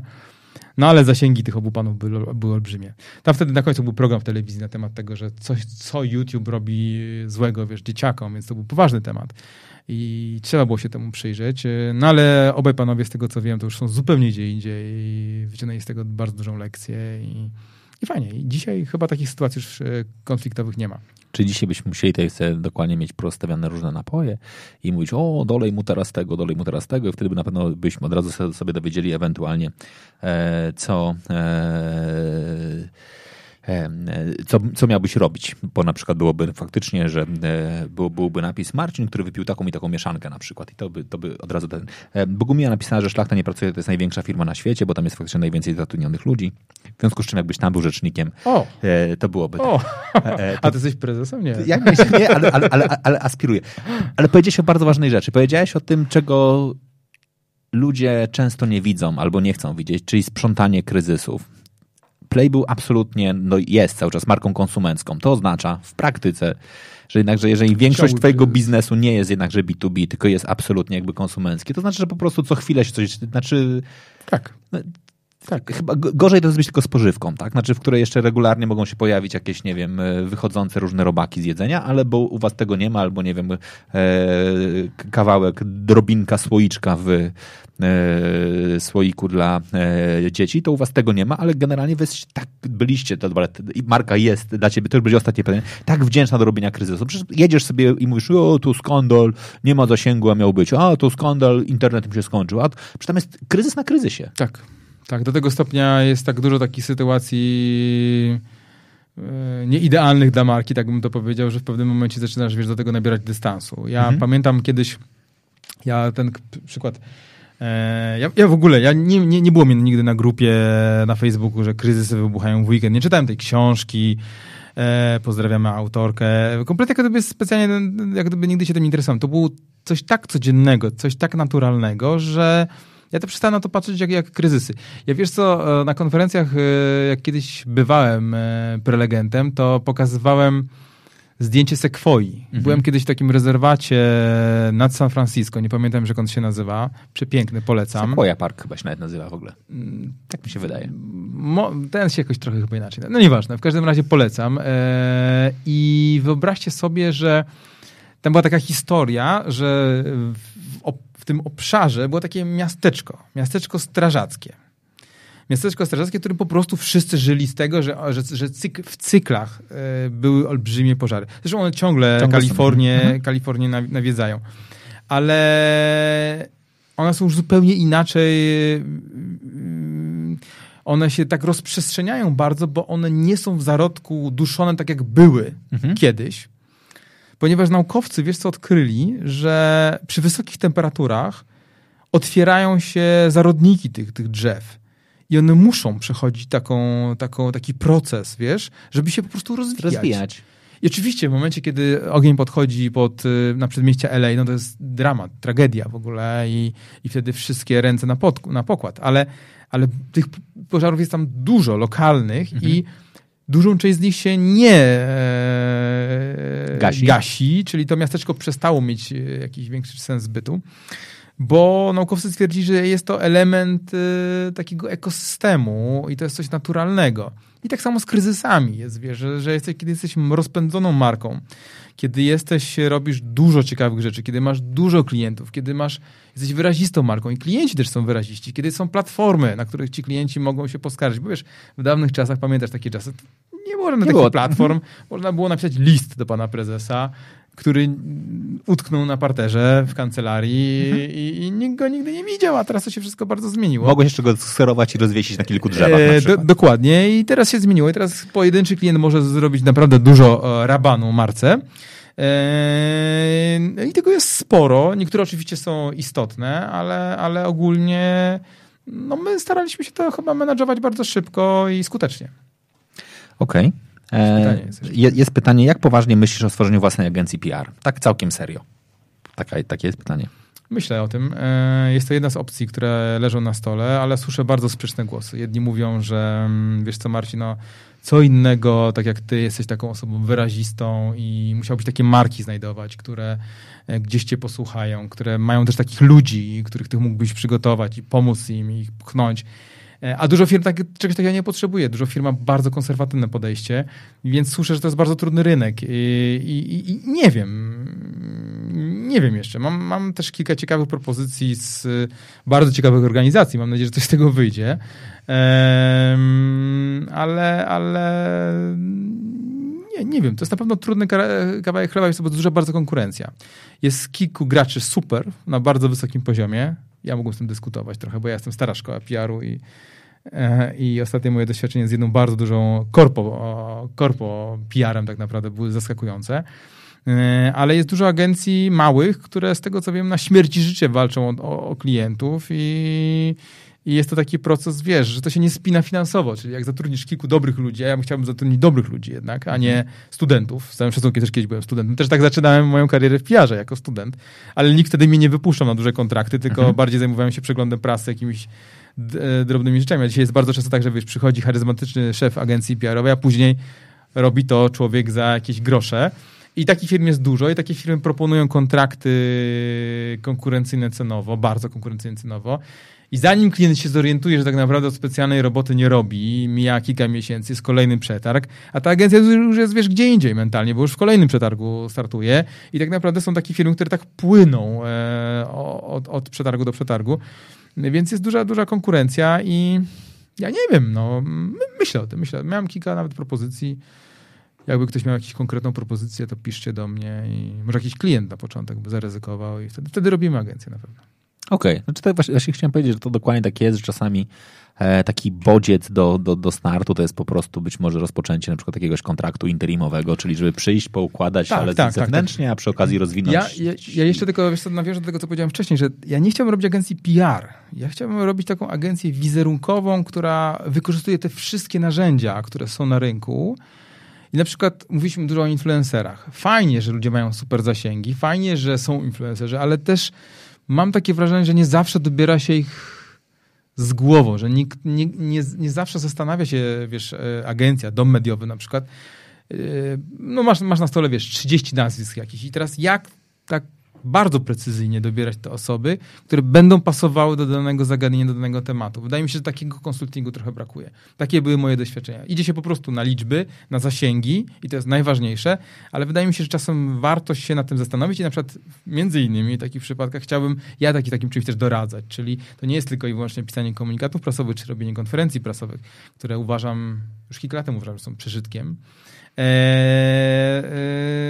tylko podejście do tego, wiesz, taki sposób e, kompleksowy jakiś, czyli jest marka, marka ma takie cele i realizuje je skutecznie w ATL-u, realizuje je skutecznie, skutecznie w BTL-u, to dlaczego nie przyjść do nich z nowoczesnym PR-em, ale takim PR-em naprawdę wielopłaszczyznowym, no tylko boję się, że nikt nie ma takich budżetów. że ktoś powiedziałby mi, no wiesz co, słuchaj, to, to masz tutaj 5 tysięcy złotych czy 10 tysięcy złotych i ogarnij mi dziennikarzy. Eee, I nie wiem tego jeszcze, mhm. Mm, ale docierają do mnie takie sygnały, żebym czasem przypadkiem nie, nie przesadzał z tymi moimi wizjami. Ale ja, gdybym dzisiaj takie coś robił, to właśnie poszedłbym bardziej w tym kierunku i właśnie chyba moja agencja, nie wiem, czy by się nazywała PR. A dlaczego uważasz, że konferencje e, są już e, trochę passe? No wiesz co, bo na konferencje przychodzą, przychodzą garstki, garstki dziennika, dziennikarzy, jest ich coraz mniej. E, wiesz, e, ja na przykład lubię bardzo takie narzędzie, które, które stosują e, firmy producenckie. No. Jak masz nowy telefon, to na przykład robią prebriefingi, czyli zabierasz ludzi gdzieś, mhm. nawet jeżeli w Polsce, pokazujesz im ten telefon, E, oni robią zdjęcia tego telefonu, nakręcają filmy. Masz ekspertów technicznych, którzy od razu odpowiadają na, tych, na, na pytania dotyczące tych, tych, tych, e, tych, telefonów.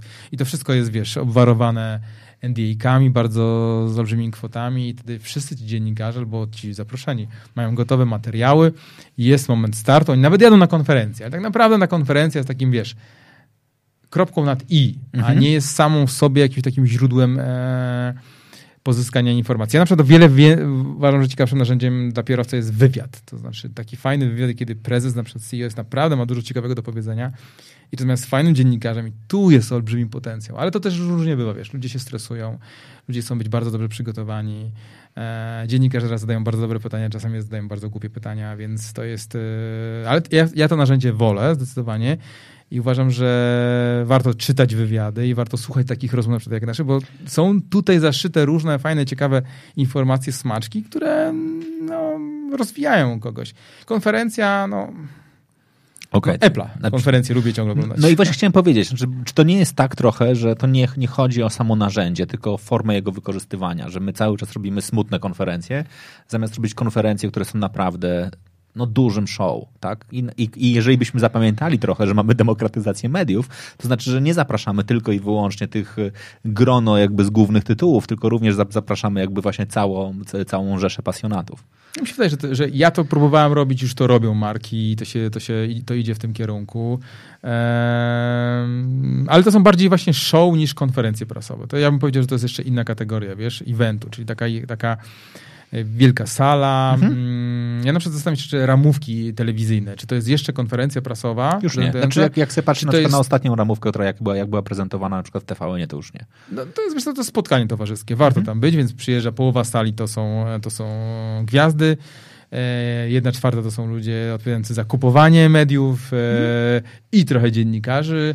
Mm, to jest, to jest jedno wielkie show i to, to, to, ma, to ma, swoje, ma swoje znaczenie. Taka typowa konferencja prasowa, gdzie panowie prezesi siedzą za stołem i z drugiej strony siedzi 20 mhm. dziennikarzy, to wydaje mi się e, w, w biznesie chyba traci trochę znaczenie. E, w polityce absolutnie nie. W polityce jest to mhm. ciągle świetne narzędzie i, i tam się dużo, dużo ciekawego dzieje. Mm, ja jakimś wielkim fanem nie byłem. Dlatego, wiesz, ja na pewno bardzo często wolałem robić coś online i mówić do konsumentów, bo to wtedy na przykład oglądało to 3000 ludzi, na przykład 2000 ludzi, e, niż e, konferencja, której było 20 fantastycznych dziennikarzy, e, którzy i tak wszystko wiedzieli. Ja na przykład bardzo, powiem ci, że ostatnio na konferencjach bardzo ludzi mało pytań zadają. To jest bardzo rozczarowujące. Ale to, myśl, to ale, no dobra.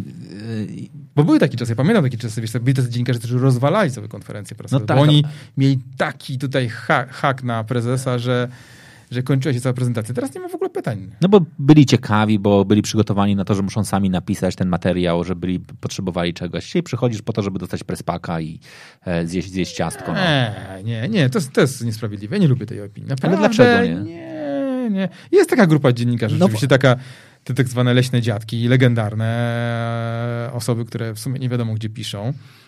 Takie jak na przykład e, Halo Gruszka e, z podcastu, który też, ja też byłem, jestem zapraszany czasem na konferencję, Naprawdę? wiesz, to bardzo miłe. To strasznie ostatnio, fajne. ostatnio na Motorola byłem zaproszony, bardzo, bardzo dziękuję, ale nie dotarłem, bo nie było mnie, ale, ale fajny pomysł, tak. Ale pewnie by tak mnie odebrali. O, przyszedł zjeść lunch. No. E, są tacy dziennikarze, ale jest bardzo dużo naprawdę merytorycznych, ogarniętych ludzi, którzy fajnie piszą. Eee, I nie, ale ci ludzie, wiesz, to ci ludzie mają olbrzymią wiedzę i bardziej chyba traktują to też trochę towarzysko. To znaczy przychodzą po prostu spotkać się. Właśnie to ta, ta relacyjność. A ja myślę, jest, że, jest, istotna. A ja myślę, że za mało wpuszczamy jednakże ludzi z zewnątrz. Znaczy takich faktycznie trochę... I nie, że mam kłopot, że mnie nie chcą zapraszać, bo i tak bym pewnie nie miał czasu przyjść, ale myślę, że takich ludzi jak ja, którzy jednakże mają trochę więcej czasu i chcieliby przychodzić, chcieliby pisać. Ja cię I, zaproszę. Kiedyś i, będę rzeczywiście pracował jeszcze, to obiecuję, że cię zaproszę. A ja, a ja obiec... I pozdrowię cię ze sceny. A ja obiecuję w takim razie, że przełożę swoje plany i przyjdę. E, twoje ukochane dziecko. Pomysł, który wspominasz najmilej. Krzysztof nam zadaje takie pytanie, żeby nie było, że to ja. Hmm? No, oczywiście ukochane najbardziej są moje dzieci. E, prawdziwe, biologiczne. A zawodowy? Mm, to wydaje mi się, że blog był takim narzędziem, które w całej tej swojej niedoskonałości był bardzo, bardzo fajnym, bardzo efektywnym narzędziem. Czyli takie podejście, wiesz, właśnie tak jak mówiłem już wcześniej, ale że zacząłem pisać w taki sposób tak jak się pisze blogi, to znaczy ja tam nie, nienawidziłem wkładać komunikatów prasowych, tylko pisałem jak jest, Czasem popełniałem literówki, pewnie ze dwa ortografy czy trzy w historii się zdarzyły nawet, ale po prostu... Wyciągali wtedy... cię ludzie? Tak, tak, tak, tak. tak. O, oczywiście, że tak. Tam, tam nie ma litości, tam mm. nie ma litości po prostu. Nie zdaję sobie sprawy, co ludzie, co ludzie wyciągają. No. Ja, ja, wiesz, mi wyciągano, że ja mam rzęsę na okularach, e, albo, albo że włosy mam źle ułożone. Naprawdę? tak, tak, w tych technologiach też ludzie na to zwracają uwagi, uwagę. E, więc e, to, był, to, to, dziecko, chyba ten blog był taki najciekawszym projektem, bo tam się naprawdę dużo działo. I kiedyś, wiesz co, ten blog absolutnie był na fali. Tam było, wiesz, do 150 tysięcy unikalnych użytkowników miesięcznie. To, wiesz co, wiele portali mhm. yy, nie zbliża się do tego poziomu. A to był blog komercyjny, to był blog korporacji. Ja pamiętam, jak zaczynałem e, blogi, koledzy, koledzy mi posyłali, a zobacz, tutaj jest blog Forda amerykański, albo blog kogoś tam, blog prezesa, bo to często prezesi blogowali, ale tak naprawdę wiesz, mhm. dla nich ktoś to pisał. Jezus, jaka to była nuda w ogóle. Znaczy, wszystko mnie jak gdyby zniechęcało do, do robienia tego ale właśnie ludzie mnie zachęcili, wiesz, ja miałem e, po set komentarzy pod, pod, pod, pod e, e, blogiem. Tak naprawdę powiem ci, że ja nie wykorzystywałem do końca tego, tego potencjału, bo ja powinienem się tylko na tym mhm. skoncentrować. E, I dlatego ludzie mają do mnie pretensje, że wiele konkursów za późno rozwiązywałem, że coś tam, ciągle tak, no, nawet jako bezrobotny okazuje się, że mam tak dużo roboty, e, kup mleko, odwieźć dziecko do szkoły, odbierz ze że, że też nie wyrabiam się z tym wszystkim, a wtedy jak gdybym, gdybym się na tym skoncentrował, to to narzędzie byłoby chyba jeszcze lepsze, ale to chyba najlepsze dziecko. To ja chciałem tylko przypomnieć, że jeżeli macie jeszcze cały czas, chcecie wziąć udział w tym konkursie, w ramach a. którego macie podać, co powinien sobie e, Marcin napisać w tej chwili na e, swoim e, LinkedInie, jeśli chodzi o jego aktualne zadanie, to pamiętajcie, że można wygrać piwo, mleko, sok, obiad, Dokładnie, możemy pójść na pizzę, na, na lunch mm, elegancki, jak, jak wolicie. W ogóle są jakieś propozycje? Gdzieś nie ma. Piszą w komentarzach? Nie ma w ogóle żadnej? Ludzie w ogóle moim zdaniem uznali, że mój pomysł po prostu jest najlepszy i nie będą z nim nawet konkurować, ale ja, ja to szanuję, bo mój pomysł jest po prostu bardzo dobrze. Raz, szlachta... Szlachta nie pracuje. Szlachta nie pracuje. To jest moim zdaniem... Ja, ja, ja, po, poza tym i tak okay. będziesz mógł sobie... E, najpierw sobie napiszesz e, XPR Manager e, szlachta nie pracuje. Moim, zdaniem to jest to, to, to, cię od, razu ustawia, że tak powiem, w pierwszej linii headhunterów. Znaczy oni, oni już cię pokochali wtedy na bank. Oby, oby tak było. Mam bloga, to mam takie doświadczenie, że z niektórymi takimi zwrotami trzeba bardzo uważać. Legenda jest o moich pindolkach, które konkurencji wręczałem i to, było, to był głośny temat, dużo dyskusji. To był też żart oczywiście, ale nie wszyscy potraktowali to z przymrużeniem oka i było z tego dużo zamieszania. Jejku, jak ja słyszę, że dokładnie ludzie e, nie zawsze traktują żarty z przymrużeniem oka, to mi się coś... Nie no, w e, korporacjach nie możesz, nie możesz żartować. Jesteś poważną, poważnej korporacji. Gruszka tak nie wolno pisać. Gruszka ubierz garnitur. Yy, I, I, tak, tak, dalej. I, tak, i, tak 12 lat przeżyłeś. I tak nie wolno pisać. Napisałem, załóż garnitur. No czasami go założyłem. Tak, uszyłem sobie przepiękny garnitur. Yy, jakby ktoś chciał, to mam świetnego krawca Myślę, na Żoliborzu. Jakby ktoś chciał, to mam na sprzedaż. Nie, nie, nie, nie, nie, nie, nie, nie, nie. To jest dla mnie, wiesz co, mam taką fajną podszewkę z trupimi czachami. To jest nie do... To jest nie do Czachek rządzą. Yy, tak, tak, tak. To jest, to jest tylko dla mnie uszyty specjalnie, także jakby oglądał mnie Super Krawiec, to pozdrawiam. Okej. Okay. Super Krawiec, Żoliborz, e, Czacheksy. No dobra. Jak sobie myślisz o wymarzonej branży teraz, gdzie byś chciał pójść? Zdecydowanie nowe technologie, tylko, tylko technologie takie, w których się coś dzieje. Wiesz, to jest coś, coś, coś co, co, co jest pełne innowacji. Producenci na przykład telefonów. Tam, wiesz, tam jest y, z jednej strony trochę nuda, bo te telefony są do siebie podobne, ale diabeł tkwi w szczegółach i tam się dużo ciekawych rzeczy dzieje. Dodatkowo jest tam, są tam różne napięcia, różne zmiany akcji, ktoś rośnie, ktoś dostaje strzał z Ameryki i przestaje rosnąć. Tam się dużo ciekawego dzieje. Content, media, to też jest bardzo ciekawy obszar. Mm, bankowość też się zmienia. E, oczywiście w innym stopniu niż inne branże, ale tam też e, przez ten fintech tak naprawdę mhm. dzieje się sporo, sporo ciekawego. Hmm. Może polityka? Kurczę, a wiesz co, bo jak ty, jak ty powiedziałeś, ale teraz pytam zupełnie, zupełnie poważnie, bo ty powiedziałeś o konferencjach, że one dalej się e, sprawdzają w polityce i to miało być moje pytanie. czy chciałbyś spróbować dokładnie w e, marketingu politycznym? Myślę o tym.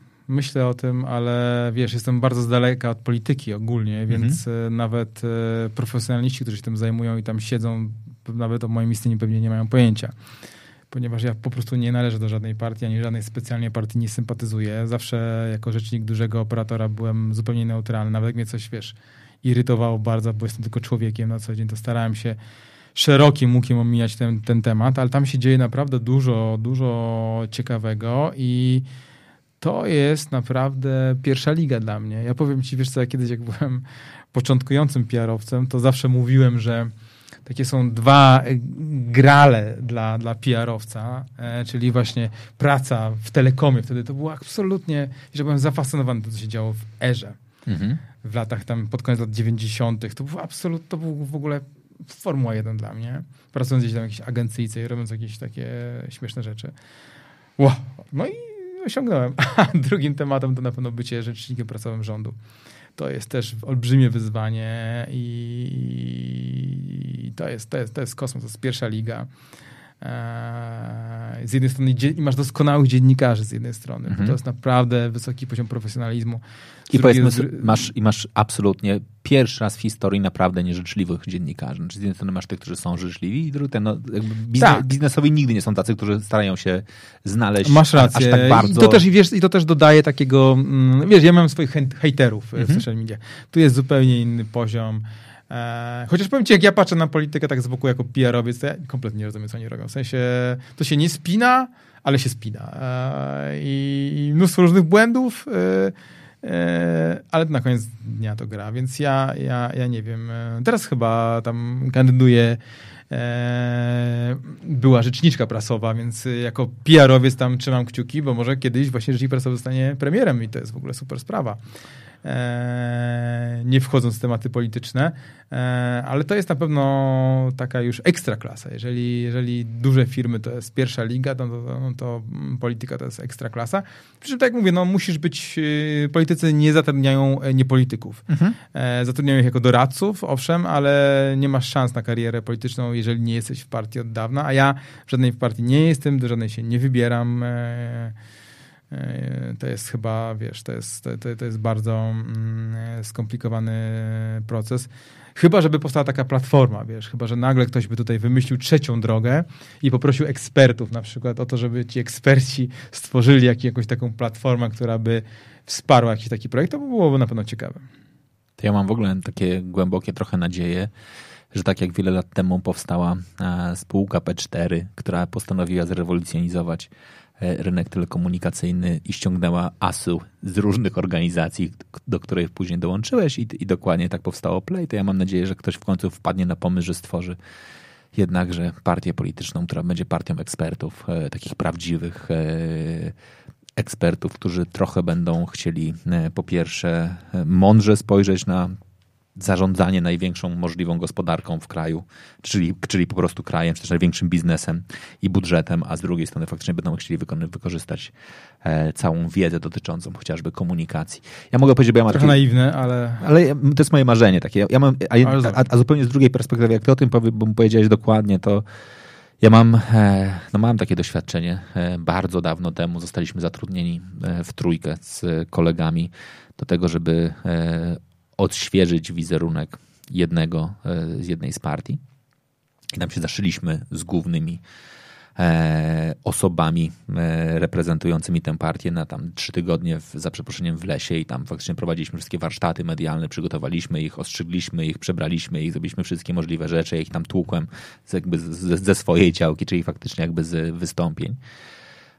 Wypuściliśmy ich do mediów, później wypuściliśmy ich do ludzi i okazało się, że słupki zaczęły rosnąć. Tak, I to tak naprawdę wyraźnie, tak, tak bardzo, bardzo wyraźnie. Ja w tym momencie powiedziałem, że ja odchodzę. Znaczy jakby ja, ja, ja naprawdę wtedy pierwszy raz w swoim życiu poczułem taki, taki rzeczywisty wpływ. No bo powiedzmy sobie szczerze, jak pracuję, nie wiem, jako doradca z zarządem i, i uczę pana prezesa lepiej wystąpić na konferencji, to powiedzmy sobie szczerze, tak, to czy on wystąpi lepiej czy gorzej, to to nie ma takiego bezpośredniego, wiesz, porównania, zresztą nie masz tych wyników, a to nagle, wiesz, e, miesiąc po zakończeniu naszej pracy nagle okazuje się, że wiesz, dwa punkty procentowe w górę, tak?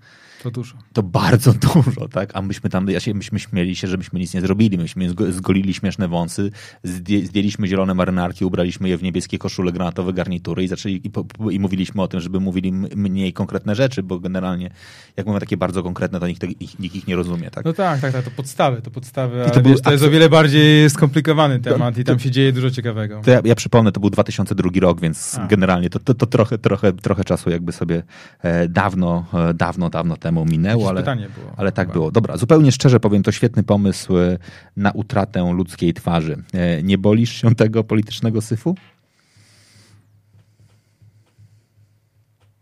Ha. To jest, wiesz co, to jest dobre, to jest bardzo dobre pytanie. No, no wiesz, to jest, to jest e, profesjonalizm, element gry. Jak decydujesz się, że wchodzisz w tą grę, no to, to grasz, no.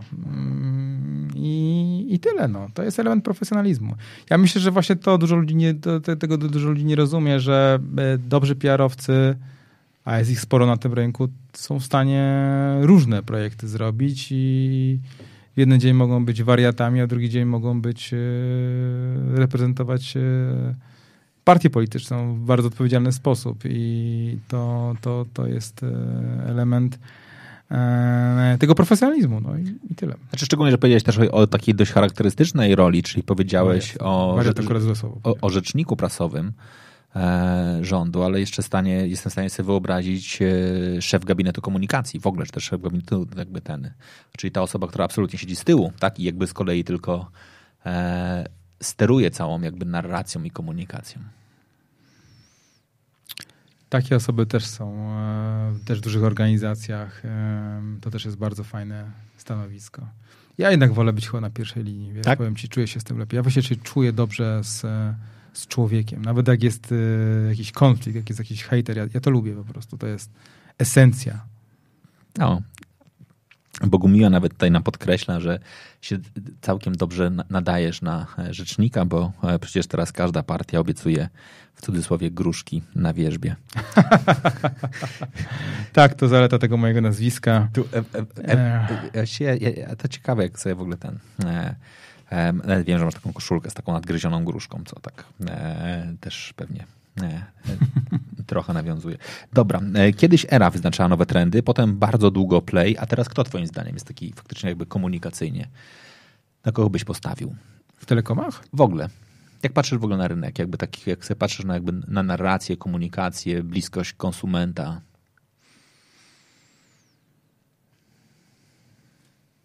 W Polsce lubię bardzo to, co robi Samsung. Mhm. To, co robi Netflix. Eee, to są chyba tacy gracze, którzy w tym moim obszarze, który, któremu się przyglądam. Wiesz ja nie oglądam telewizji. Nie mam telewizji, więc nie mogę powiedzieć, co się dzieje w telewizji, w spotach telewizyjnych, bo po prostu tego nie widzę. Mm, Play ciągle wydaje mi się, że wypada dobrze w tym, mhm. w tym zestawieniu. Ta, ta, ta, ta, ta, ta, ta czysta forma tych olbrzymich billboardów e, wyróżnia się e, w, w całym tle. E, Pewnie więcej miałbym do powiedzenia, gdybym właśnie był bardziej, wiesz, telewizyjny, ale kompletnie nie oglądam telewizji, więc nie wiem, jakie są teraz reklamy kompletnie, więc... Myślę, że powinieneś się także zainwestować w jakiś e, tele, telewizor mam. Te, telewizor i... Ale wiesz, cały czas leci u mnie Netflix i dzieciaki oglądają bajki. Musisz... Stranger Things oglądam w kółko Macieju. Musisz, bo boję się, że jak pójdziesz na jakąś rozmowę rekrutacyjną, to ktoś może ci zapytać, e, a czy, a czy faktycznie widzieliśmy jakby twoje, e, twoje reklamy i ty wtedy powiesz, że, że nie, nie oglądam telewizji, no i będzie słabo, no. Dziękuję za radę. Musisz Dobra, naprawdę. Musisz, to, musisz tutaj Gdzie jest najwięcej? Na Polsacie jest najwięcej reklam. To tam ja, nadrobię szybko. Ja nie wiem, bo ja też nie oglądam. E, Okej, okay, mamy propozycję na LinkedIna. W, na, w nawiasie samozwańczy i dalej już poza, poza nawiasem e, rewolu, rewolucjonista komunikacji. RK, rewolucjonista komunikacji. To jest dobre nawet. Ja nie lubię słowa rewolucja. No samozwańczy, ja wiem, no, no tak użyłem tego słowa, no ale coś tam pozmieniałem zresztą. Tak dużo, ludzi, dużo, tak, dużo takich głosów jest, że ja sporo pozmieniałem. Wiesz, są to eksperci, ale... ludzie obserwatorzy tak mówią. No ty mi gdzieś tam napisałeś, że jestem ikoną PR. No nie, nie mów tak w ogóle. Ale... Kiedyś zrobiłem sobie na prezentację takie zdjęcie, bo też mi nazwano gdzieś tam ikoną. Zrobiłem sobie takie, wiesz, jak to wywołało, jakie, jakie, jakie, jakie negatywne komentarze, sobie robię ja e, żarty z ikonografii. To poważne sprawy są. Dobra, ja chciałem powiedzieć, Jarku, że twoja propozycja była bardzo dobra. I to naprawdę nie bierz tego personalnie, że zostałeś tak bardzo skrytykowany. Po prostu się nie spodobała, ale moim zdaniem była ciekawa. Jeżeli chcesz mieć więcej propozycji... Nie, to jest, to jest w ogóle jedyna propozycja, więc w ogóle Jarek jest blisko zwycięstwa. Jeżeli chcesz być, mieć więcej pro, propozycji, to nie możesz generalnie krytykować wszystkiego, co dostajesz, bo nikt ci... To nie była krytyka. No, nikt ci więcej nie napisze wiesz, przecież. Ta rewolucja, wiesz, dlatego, bo rewolucja to słowo, które jest e, zepsute, bo, bo co chwilę były rewolucyjne oferty. Było ich tak dużo o, rewolucyjnych ofert na rynku, e, że już w pewnym momencie już się przestało mówić w ogóle, bo to było nudne. No. Okej, okay, bo to jest jeszcze, jeszcze jest ten e, influencer PR. Tak e, Bronisław proponuje. Bardzo fajnie. Influencer PR czy PR influencer? Bo to wiesz, musi, musimy podejmować decyzje już powoli. Brzmi dobrze. No. Ach, pięknie. Obowiązkowy składnik kompotu PR. To, to, to, jest ładne, to jest ładne. No. Nie lubię kompotu z gruszek, powiem wam. Nie? Nie, jakoś tak specjalnie nie. Ale to nie jest krytyka oczywiście tej propozycji, broń Boże.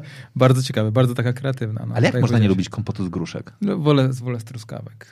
Ale proszę, nie gadajmy o tym, bo jak, jak oglądam, słucham czasem e, podcastów, ludzie zaczynają o takich e, głupotach jak kompoty gadać, to to się, to wtedy siada show, także... Nie, ale jak, jak król PR-u, o, jest, król PR.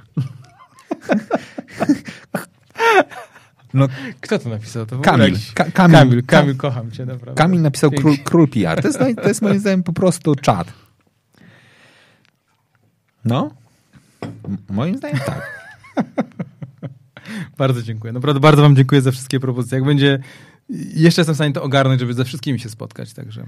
A, czyli ty w ogóle po prostu już sobie budujesz taki swój mały community będziemy sobie, sobie później... A wiesz jak, wiesz, jak to jest fajne? Wiesz w ogóle jak ten... Ja na przykład, wiesz, jak czasem na YouTubie robię jakieś konkursy, długo je rozwiązuję, ale rozwiązuję ostatecznie. Uwielbiam e, spotkać się z ludźmi i dać im nagrodę. I to są tak ciekawe osoby, tak zaskakujące osoby, wiesz, inaczej sobie wyobrażasz kogoś po jakimś tam niku i nagle przychodzi do ciebie, wiesz, jakaś bardzo sympatyczna pani albo jakaś... Która miała nick Rudolf na przykład.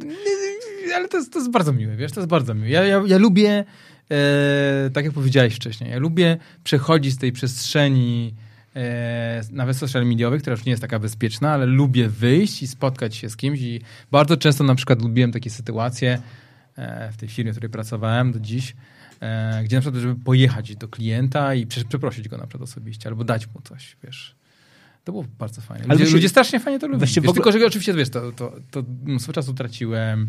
Nie byłem wtedy na sześciu bardzo poważnych spotkaniach korporacyjnych, bo musiałem gdzieś pojechać. Ja w ogóle dużo jeździłem po Polsce, wiesz. Ale to, to, to jest ciekawe, jak teraz o tym mówisz. To, to było faktycznie bardziej taka twoja wewnętrzna potrzeba, niż potrzeba zrobienia PR-owego show? Oczywiście, no, to był się element takiego procesu, wiesz, profesjonalnego. Znaczy, ja uważałem, że e, robiąc to, robię show, ale to nie było nic sztucznego. Ja to po prostu autentycznie lubię i byłem szczery z tymi ludźmi. I mi się to wszystko spinało. Znaczy, zrobiłem jedną rzecz, a przy okazji to robiło dobrze w innym miejscu. Mhm. Nie było to tak, że to było jakieś takie wyrafinowane i ja w jakiś sposób się męczyłem, bo ci ludzie są bardzo różni w różnych miejscach. Eee, na przykład o, bardzo lubię jeździć do, do sklepów playowych, na przykład w Polsce jeździłem do takiego sklepu i wiesz, z całego miasteczka, czy z miasta przychodzili ludzie, piliśmy piwko, było sympatycznie. Uwielbiałem to. Robiłem to nawet czasem nie pytając się ludzi z y, struktury sprzedażowej, bo, pewnie by mi nie pozwolili.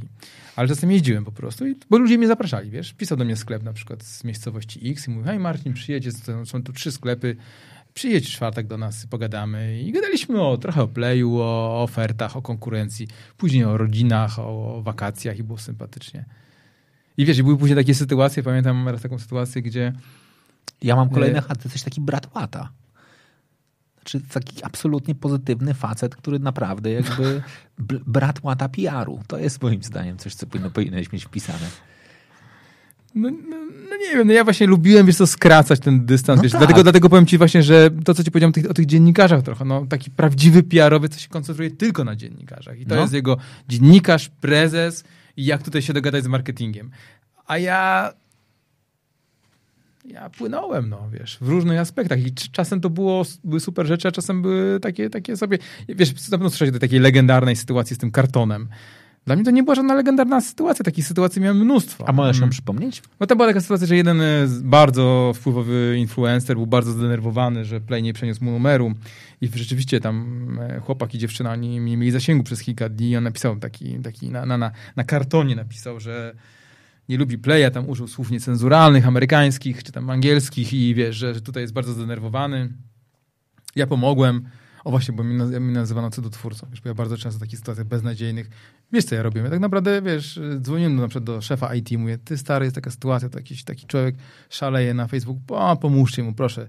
I wiesz, z ominięciem procedury to Klik. było, to był klik i bardzo często tak było i tak często w organizacjach jest. Oczywiście to, wiesz, E, w większości robili to zupełnie inni ludzie, nie ja, ale, ale, ale ja byłem tym frontmanem do tego. I tam właśnie wtedy ja też tym, wiesz, pomogłem tym ludziom, mm, autorom bardzo fajnego e, blogu, podróżnicy. Mm, e, I ja napisałem, zresztą tam w, w znajomości z, w, może w, we współpracy z agencją naszą, na kartonie też, po pizzy, którą zjedliśmy rodzinnie w weekend, Napisałem, że już twój numer jest w play, bardzo ci przepraszam. I, i to słuchaj, w ogóle podobne są na wykładach PR-u.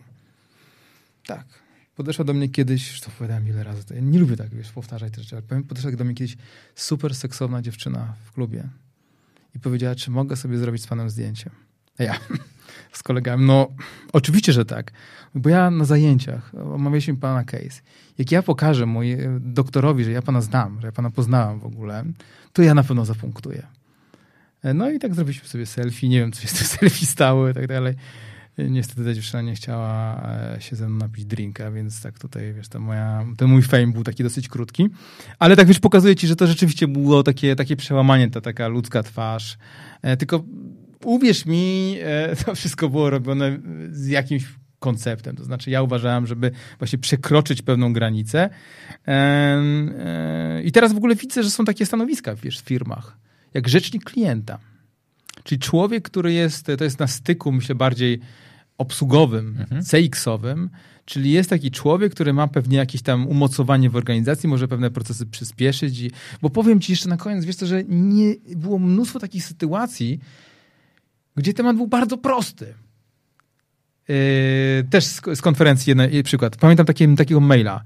Nie podawałem wam moich danych. Dlaczego wykorzystaliśmy? Odpowiedź konsultanta dwie strony z jakimiś tam, wiesz, paragrafami i tak dalej. Wcale nie, nieprawda, nie było tak. Wcale tak, wcale nie tak, wcale tak. I wiesz, 30 parę wymian maili i ja w pewnym momencie bo jestem w korespondencji, bo ludzie mnie często za, okay. za e, wiesz, e, podczepiali w, w kopii, no bo ten cudotwórca, legendarny Gruszka.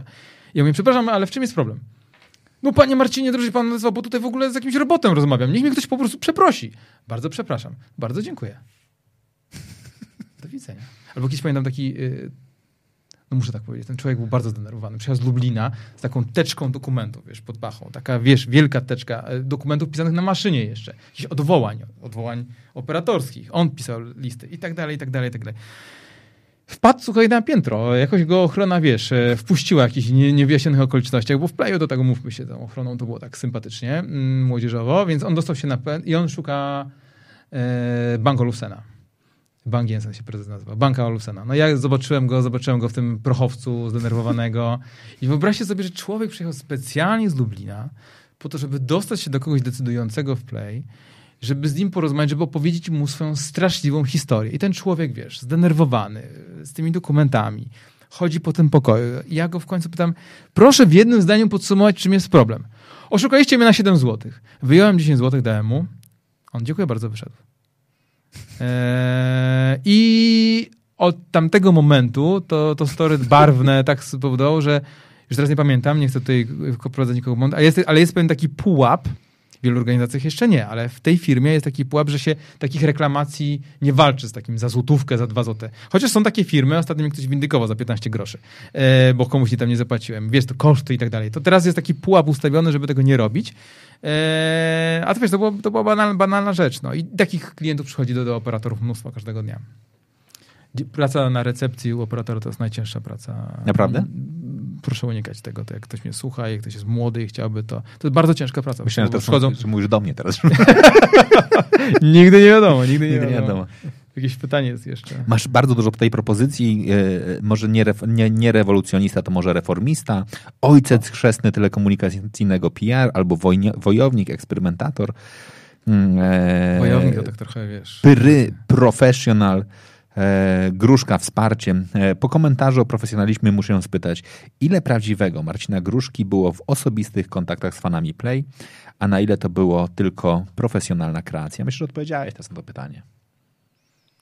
Dużo mnie było prawdziwego, aczkolwiek muszę wam powiedzieć, że niektórzy ci ludzie są na takim poziomie dalekim dla mnie. Czyli są tak mocno wkręceni, że ja się gubię w tym i wtedy trochę udawałem. Okay. Bo po prostu niektórzy ludzie naprawdę to jest dla nich ich ultra pasja i, i, i wiesz, i ciężko z taką osobą rozmawiać. To jest taki geek do, do kwadratu. Jak ja powiedzmy, powiedzmy, że jestem takim geekiem trochę, lubię. Ale ty ogarniasz w ogóle technologię? Tak, tak zupełnie, tak, tak prywatnie? Ogarniam, aczkolwiek nie, nie, nie czuję się na pewno osobą, która jest, wiesz, e, która jest jakoś tak e, ultra heavy userem. Na przykład mam, e, mam iPhone'a 11 Pro za ostatnią pensję kupionego, który leży w pudełku od tygodnia. To jest w ogóle zbrodnia. Normalny geek już dawno by spał z nim, wiesz. No. A ja go jeszcze nie, nie wyciągnąłem z pudełka. Ale to ja to rozumiem. Znaczy... No, ale, to, ale to, to, to, to, to, znaczy, że nie jesteś geekiem. Taki nie, ale... Geek normalny to, to już by go dawno, nie mówię, żeby się do niego modlił, ale już by go dawno roz, pieczołowicie rozpakował, już by go... A ja tak często, często robię. Jeżeli ja w ogóle sprzedaję nowych e, sprzętów, które sobie gdzieś tam kiedyś kupiłem, bo przeczytałem fajną recenzję i nie są wyjęte z pudełka i, i, i sprzedaję je teraz. No to i tak fajnie, że sprzedajesz, bo u, mnie one często, e, często zalegają. Ja chciałem jeszcze, tak jak ty mówisz o tej historii z tą e, młodą, atrakcyjną studentką, to ja w ogóle myślę sobie, że ty powinieneś mieć e, PR roz, jakby rozszyfrowywane jako profesor relacji. Widzę, że strasznie chcesz ze mną na ten, na ten lunch iść. Nie, ja chcę, ja chcę, tutaj na, ja chcę na, na, naprowadzić naszych widzów, ale moim zdaniem profesor relacji to jest w ogóle profesor relacji. Teraz możesz sobie powiedzieć konsumenckich, korporacyjnych, możesz sobie Tak, to... ja już to nazywam często public relations jak people relations, e, czyli takie relacje po prostu z ludźmi. E, wiesz co, dziennikarze to, to, to, są, to są ludzie, więc ja dlatego, tego się to wszystko zaczęło, że ja po prostu, wiesz, dobry, dobry PR-owiec w tym kraju, a jest ich mnóstwo, no to zaczyna od zbudowania świetnych relacji z tymi ludźmi. No, no musisz, y, musisz, chcesz się z nimi po prostu kumplować i to jest w większości to są absolutnie ciekawe osoby, fantastyczne osoby, więc jak gdyby to buduje relacje. A ja ten model przeniosłem też trochę szerzej. I e, no i wiesz, i w, ja rozumiem to pytanie, to, to, to, było dobre pytanie, bo naprawdę czasami to, ten poziom geekostwa mnie trochę przerastał, prze, przerażał mnie wręcz. E, I, i, mm, ale, ale szanowałem to, o tak, o może. Nie, nie, nie, nie odstraszało mnie to, ale szanowałem to i trochę robiłem dobrą minę do, do, do, do takiej trudnej gry. Jest złej, tylko trudnej gry. Ty wykładasz na jakiejś uczelni? Nie. Ale, ale, miałem okazję kilka razy i e, wiesz co, ja nie jestem najlepszy w produkowaniu prezentacji, ja to robię wszystko na ostatnim, ludzi to, ludzi to denerwuje. Na przykład, wiesz, jak ktoś mnie zaprasza na konferencję, żebym coś tam, jakieś prezentacje zrobił, to często był taki duży stres, e, że, że, mm, że ja przy, przyjeżdżam z prezentacją. Naprawdę? Dobra, dobra ta prezentacja była, ale, ale to, to strasznie stresowało tych ludzi. Nawet bardziej, niż jak się pytałem wczoraj, czy, czy, czy prelegent nie powinien coś dostać pieniędzy za, za to, że występuje w danej konferencji, to bardziej stresowało to właśnie, że, że przywoziłem to w ostatnim momencie. Więc ja nie wiem, może miałem y, bardzo ciekawy incydent na przykład z kolegą z Civitas, i podobno bardzo dobre oceny e, tam były moich wykładów. E, więc ja wiesz, ja też nie chcę tych ludzi uczyć. Ja się nie uczyłem nigdzie PR-u, wiesz, ja nie chodziłem na żadne kursy, wykłady. Przeczytałem pierwszą książkę o PR-ze ty, ty, u Almy. Ty jesteś historykiem. Nie, nie? finansistą, banko, e, finansistą i bankowcem z okay. wykształcenia jestem. Tak. wiesz co, przeczytałem pierwszą książkę na studiach, pomagając mojej ówczesnej dziewczynie pisać pracę licencjacką i nie zrozumiałem w ogóle o co chodzi z PR-em i, i wtedy zacząłem pracować pierwszej, jednej z pierwszych dwóch polskich agencji PR-owych i taki był początek, to był zupełny przypadek i kompletnie tego nie rozumiałem. Pamię mówiłem ci, że chciałem być biegłym księgowym. Moja mama jest doskonałym księgowym i imponowało mi to zawsze. I nie chcesz przejąć biznesu? nie, nie, nie. Byś, byś, byś, byś, chodził do wszystkich urzędów i wyjaśniał wszystkie nieprawidłowości. Byś mówił, ja mam to. Słuchaj, ja, wiesz, ja, wiesz jak się nazywa moja firma? Ja mam, ja mam, ja mam firmę. Masz firmę? Mam taką firmę jednoosobową. Jak ją nazywasz? Wiesz, jak się nazywa moja firma? Bo no. się tak nazywa oficjalnie. Mogę ci nie podać i sprawdzisz sobie. No. Who the fuck is Marcin Gruszka? Tylko fuck jest pisane przez e, Q. I powiem ci, to jest niezwykłe, wiesz co, jak na przykład wiesz, czasem biorę fakturę na czy, paliwo, czy jakiś w hotelu. Czyli ty normalnie... I ludzie są, ludzie są niezwykli, wiesz co, bo często jest tak, że ludzie po prostu pryskają, prychają śmiechem a niektórzy, wiesz, kamienna twarz zupełnie i lubię tych ludzi, którzy, wiesz, tak, e, takimi emocjami reagują na to, e, bo no, no, to jest trochę taki trochę żart z tego, z, tego, z tego modelu, że firma taka jednoosobowa musi zawierać imię i nazwisko. Więc pomyślałem przez chwilę, jak do tego podejść i stąd taka dziwna nazwa, nie jakieś tam usługi konsultingowe PR Marcin Gruszka, czy tam król PR Marcin Gruszka, tylko wiesz, tylko... Profesor relacji Marcin Profesor Gruszka. Profesor relacji Marcin Gruszka. No, ale to dlaczego nie? To, to, to jest, chciałem tylko powiedzieć, że moim zdaniem teraz już nikt tego nie przebije, więc ten, ten, tę pizzę, którą chciałeś jeść z kimś fajnym, będziesz musiał zjeść sam bo moim zdaniem nikt już nie przebije hasła pod tym who the fuck is Marcin Gruszka.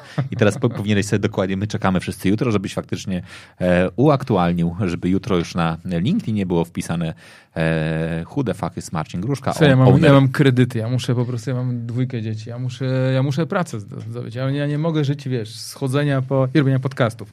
Ktoś mi zapytał, czy podcast to jest mój nowy pomysł biznesowy. Nie, to jest hobby. Naprawdę ktoś się zapytał o to, czy podcast jest pomysłem tak, biznesowym? Tak. Ojej. Poważne pytanie. Hmm.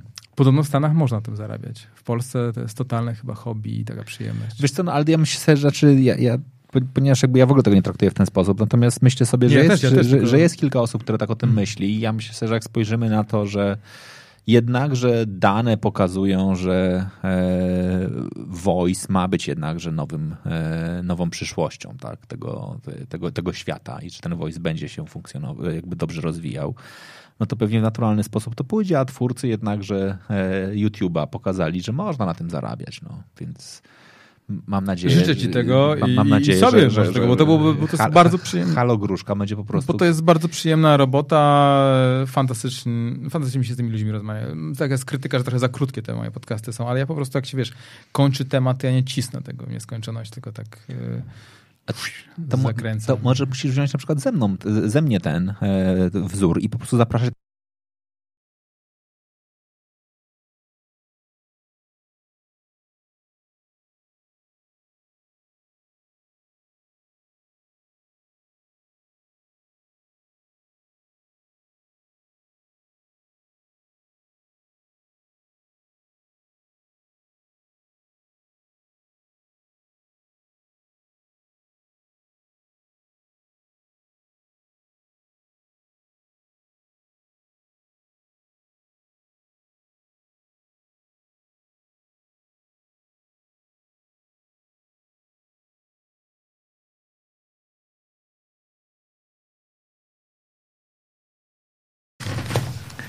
Jesteśmy z powrotem. E, powinniśmy być z powrotem. Się zastanawiam, dlaczego tak dziwnie, dziwnie dźwięk nam źle wraca.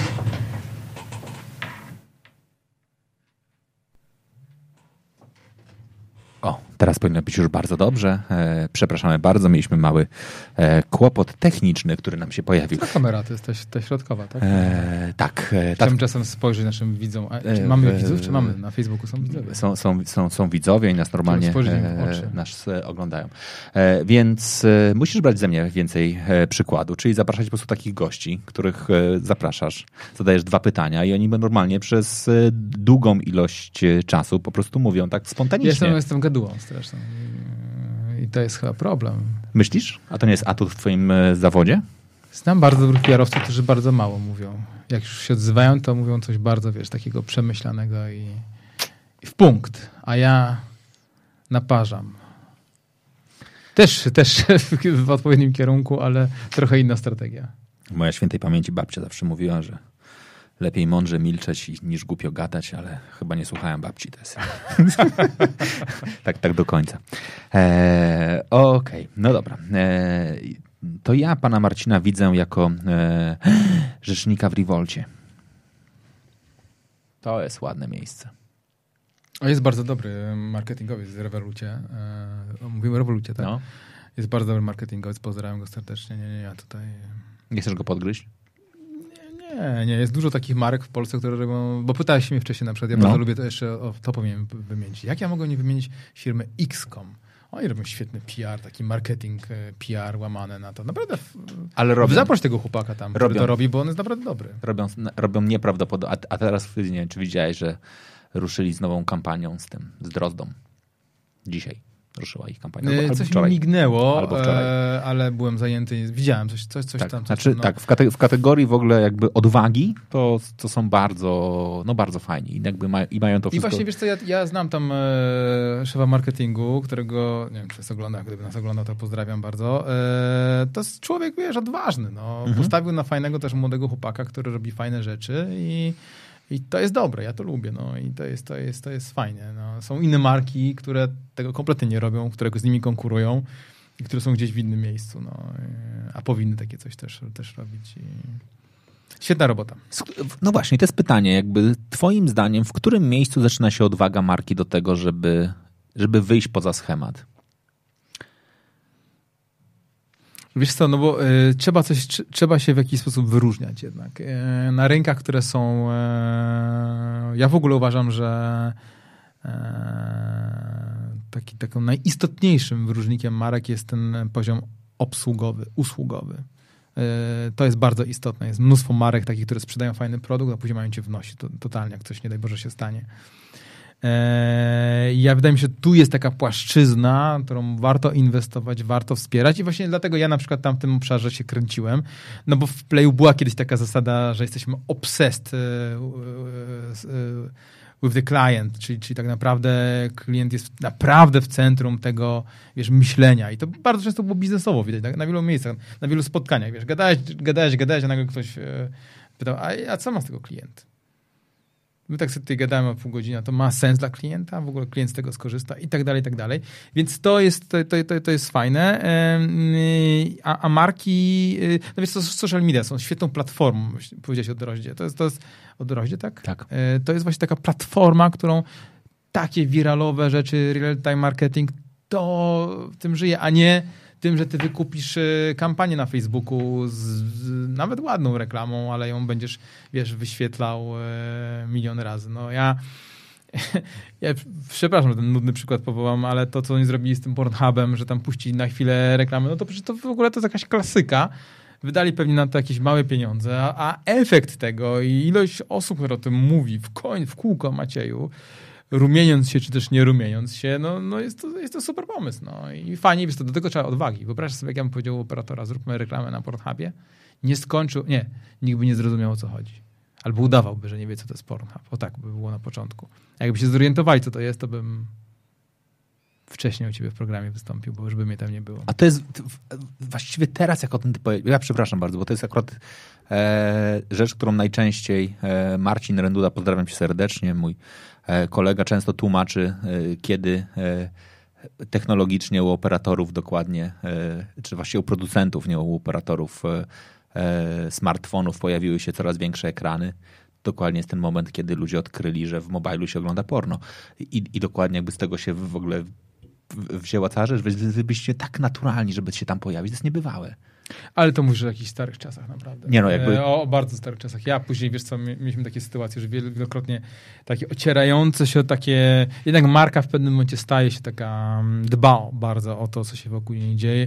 Ja pamiętam taki, taki case jeden e, z... E, był taki maleńki producent telefonów i ten maleńki producent telefonów, dzisiaj sobie już nie przypomnę, sponsorował, jest to jednego z zawodników MMA. Mhm. I oni, to był ich celebryta. I oni bardzo chcieli, żeby coś z nim zrobić, wiesz, ta płaszczyzna. Chcieli rozdawać klientom naszym, kup ten telefon i wygraj bilety na MMA.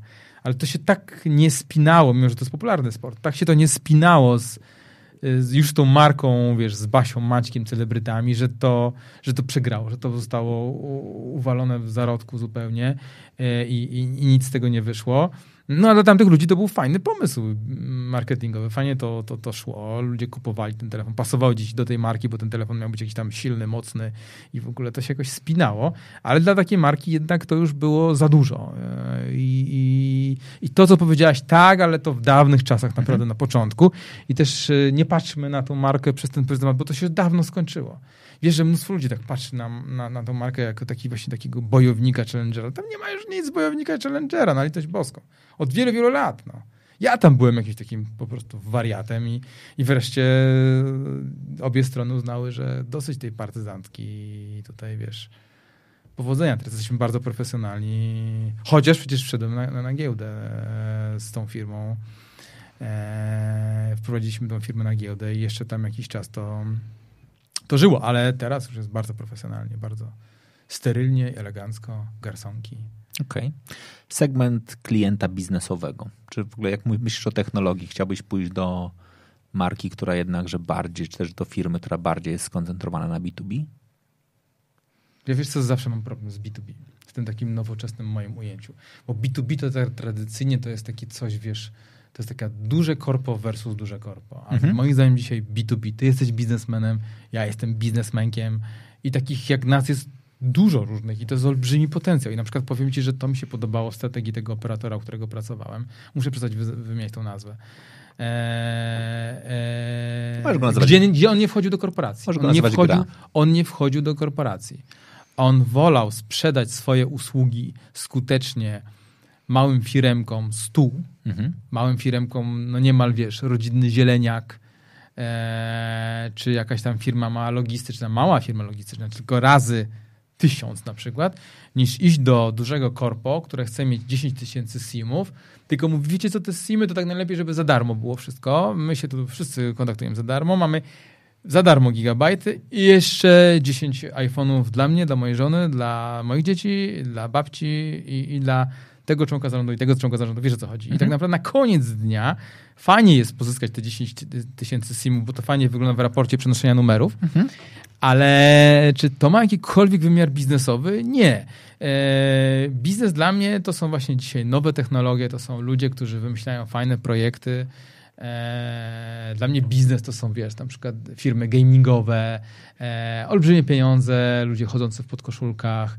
E, I to jest, to, to jest takie naturalne środowisko, a to są poważni biznesmeni klasy globalnej. E, a taki, więc, więc dlaczego nie? Jeżeli produkt jest tylko ciekawy, to, to, to dlaczego nie? Ale konsument jednak jest, jest mi bliżej takiego konsumenta. I też ja też tak traktuję klienta biznesowego. Ja nie znosiłem takich tych kreacji, ale nikt mnie nie słuchał oczywiście, tych kreacji, że jak jest biznes, to musi być garnitur, musi być czarna teczka, musi być... Nie, tak się robiło w latach 90., tak się postrzegało biznes. Dzisiaj biznes jest zupełnie inny. Dzisiaj biznesem jest architekt, dzisiaj biznesmenem jest ktoś, kto ma sieć sklepów, e, kawiarni. To są dynamiczni ludzie, którzy których nie można patrzeć, na których nie można patrzeć tak stereotypowo. I, i, i i ten, ten, ten, ten segment tego, tego małego i średniego biznesu jest moim zdaniem naj, najbardziej też i opłacalny i najciekawszy. E, no a jak później idziemy do tych korpomolochów, no to i to właśnie dlatego dobrze, że, że operatora gra tam, tam nie było. Taka była strategiczna decyzja. Był kiedyś taki jeden klient, bardzo, bardzo znana w Polsce firma. E, wszyscy z tej firmy czasem korzystamy ta firma się czasem spóźnia o godzinę albo i o dwie i wtedy siedzimy w takich dużych budynkach na lotniskach i tak dalej. I to, był, to, było, to był duży challenge i, I nie. I nie, i nie więc e, e, może się to teraz zmieni, wiesz, może teraz w poszukiwaniu jakichś takich nisz, może e, firmy tam pójdą, ale mm, bo, bo zupełnie odszedłem od twojego pytania. E, chyba nie, chyba jestem mimo wieku, bo nie jestem już taki najmłodszy, e, ciągle się bardziej czuję takimi wiesz, markami dynamicznymi, które są jednak bliżej klienta. To jest niesamowite, ale trochę czytasz w moich myślach, bo jak się nie ile ty masz lat? 44. Byłbyś gotów pracować dla ludzi młodszych od siebie? I to, i to czasami znacznie? Tak, tylko to chyba nie wyjdzie. To by chyba nie wyszło. Wiesz co, ja mam takie swoje różne prywatne obszary, w których yy, na przykład zbieram buty sportowe od wielu lat. Mam ich dosyć dużo. I mega mnie to wkurza, jak jadę gdzieś na jakąś tam giełdę albo jadę do jakiegoś ziomeczka 18-letniego i kupuję od niego Jordany jedynki, które on gdzieś tam wyrwał, bo miał, bo miał szybszy internet. To nie wiem, czy w ogóle wierzę, to jest w ogóle jakieś wariactwo totalne. I on oczywiście przycina na nim, na, ty, na tych butach tyle, co jego mama zarabia. I, i mówi do mnie, dzień dobry panu. Proszę, jak mnie to denerwuje. Nie lubię tego, ale, ale no jestem panem, no już to, to nie ma... Wiesz, co czasem ludzie piszą? Gruszka dorośnij Gruszka dorośnij, bo to jest w ogóle, wiesz, ty, ty jesteś... A to ciekawe, bo mi tego nikt nie pisze. I nawet, bo my, ale myślę, że ludzie nawet chyba nie mają nadziei na to, mam że... do ciebie prezent, że... zapomnę, wiesz, w końcu ten, mam do ciebie prezent. Bo dzisiaj jest Dzień Chłopaka jeszcze, bo zbliżamy się do północy. Ja w ogóle też zbieram komiksy. No. Ale tak, wiesz, profesjonalnie, to nie jest jakaś, to jest takie gigostwo naprawdę. I tutaj masz tutaj, tutaj, nie wiem, do kamery pokażę, to jest jedna z najnowszych produkcji Marvela. Zachowaj ten, zachowaj ten. Wiesz, jak komiksy niektóre oglądam w rękawiczkach? Naprawdę? Tak, tak, bo kupuję niektóre takie komiksy, które są kupuję je za 3 dolary, a, a po miesiącu są warte na przykład 200 dolarów. A liczę, że któregoś dnia będą warte 15 tysięcy dolarów. Więc nie, no ten nie musisz tak tutaj w rękawiczkach, ale to jest e, ciekawa postać. E, pewnie będzie film wkrótce na ten temat, więc wiesz. Ty, ty jakie jeszcze masz pasje? Buty? Komiksy? Kite? Lubię kolarstwo bardzo, ale żałuję bardzo, że właśnie za mało jeżdżę zdecydowanie. Mimo, że teraz mam dużo czasu, powinienem. No. Ale na Helu trochę jeździłem, wiesz, siadałem rano jeszcze przed samochodami. I, I dokąd jechałeś? No idzie takie, takie strzały 40 km szybko na heli z powrotem, e, tak o 6 rano. Hmm. Bo jeszcze wtedy nikt nie rzuca w, w kolarzy na helu butelkami, bo nie wiem, czy wiesz, że ten wąsko, jak jedzie kolarz, wiem, to się robi korek. Ja... I koledzy mi mówią, że ostatnio jest taki proceder, że ludzie yy, rzucają butelkami plastikowymi w kolarza. Ja... I, I, krzyczą tam różne takie rzeczy do nich. To ja zawsze jak tam jestem, robię, jadę w drugą stronę, czyli przed szóstą wyjeżdżam z Półwyspu po to, żeby objechać jezioro Żarnowieckie żeby później wrócić i to jest taki, o, tak. to, to, to, to jest taki mój... no to, to jest dobra trasa. To jest taki mój... Bartkowi kiedyś ją poleciłem. Tam jest tak. piękna, fantastyczna trasa. To jest fantastyczna trasa plus z podjazdami, z podjazdami takie... jest wszystko. Znaczy jeszcze jak źle pojedziesz i zrobisz, że najpierw pojedziesz z górki, a później masz podjazd, czy jak pojedziesz w złą stronę, to jest przechlapane generalnie. Więc trzeba wiedzieć, w którą stronę je dobrze objechać. E, no dobrze, ale moim zdaniem łatwiej jest dopasować sposób komunikacji, komunikacji przy dość dobrze określonej grupie docelowej, a korpo z milionami klientów yy, chyba zmuszone są do ostrożności, bo czasem można stracić więcej niż zyskać, napisał Robert. Tak, tak, tak. I zgadzam się z tą opinią na pewno, dlatego też Play zmienił, zmienił całkowicie swój wizerunek. To znaczy z czasem Play się bardzo uspokoił i stał się taki właśnie masowy. E, a ja, tak jak powiedziałem, moje zadania traktowałem trochę tak bardziej taktycznie i tak właśnie jak tak snajpersko e, niż, e, niż masowo. To zupełnie, była zupełnie inna rola tego, mm, ale absolutnie tak. Na początku Play miał zupełnie inną grupę docelową mhm. i chciał trafić do ludzi młodych, aktywnych, ambitnych, więc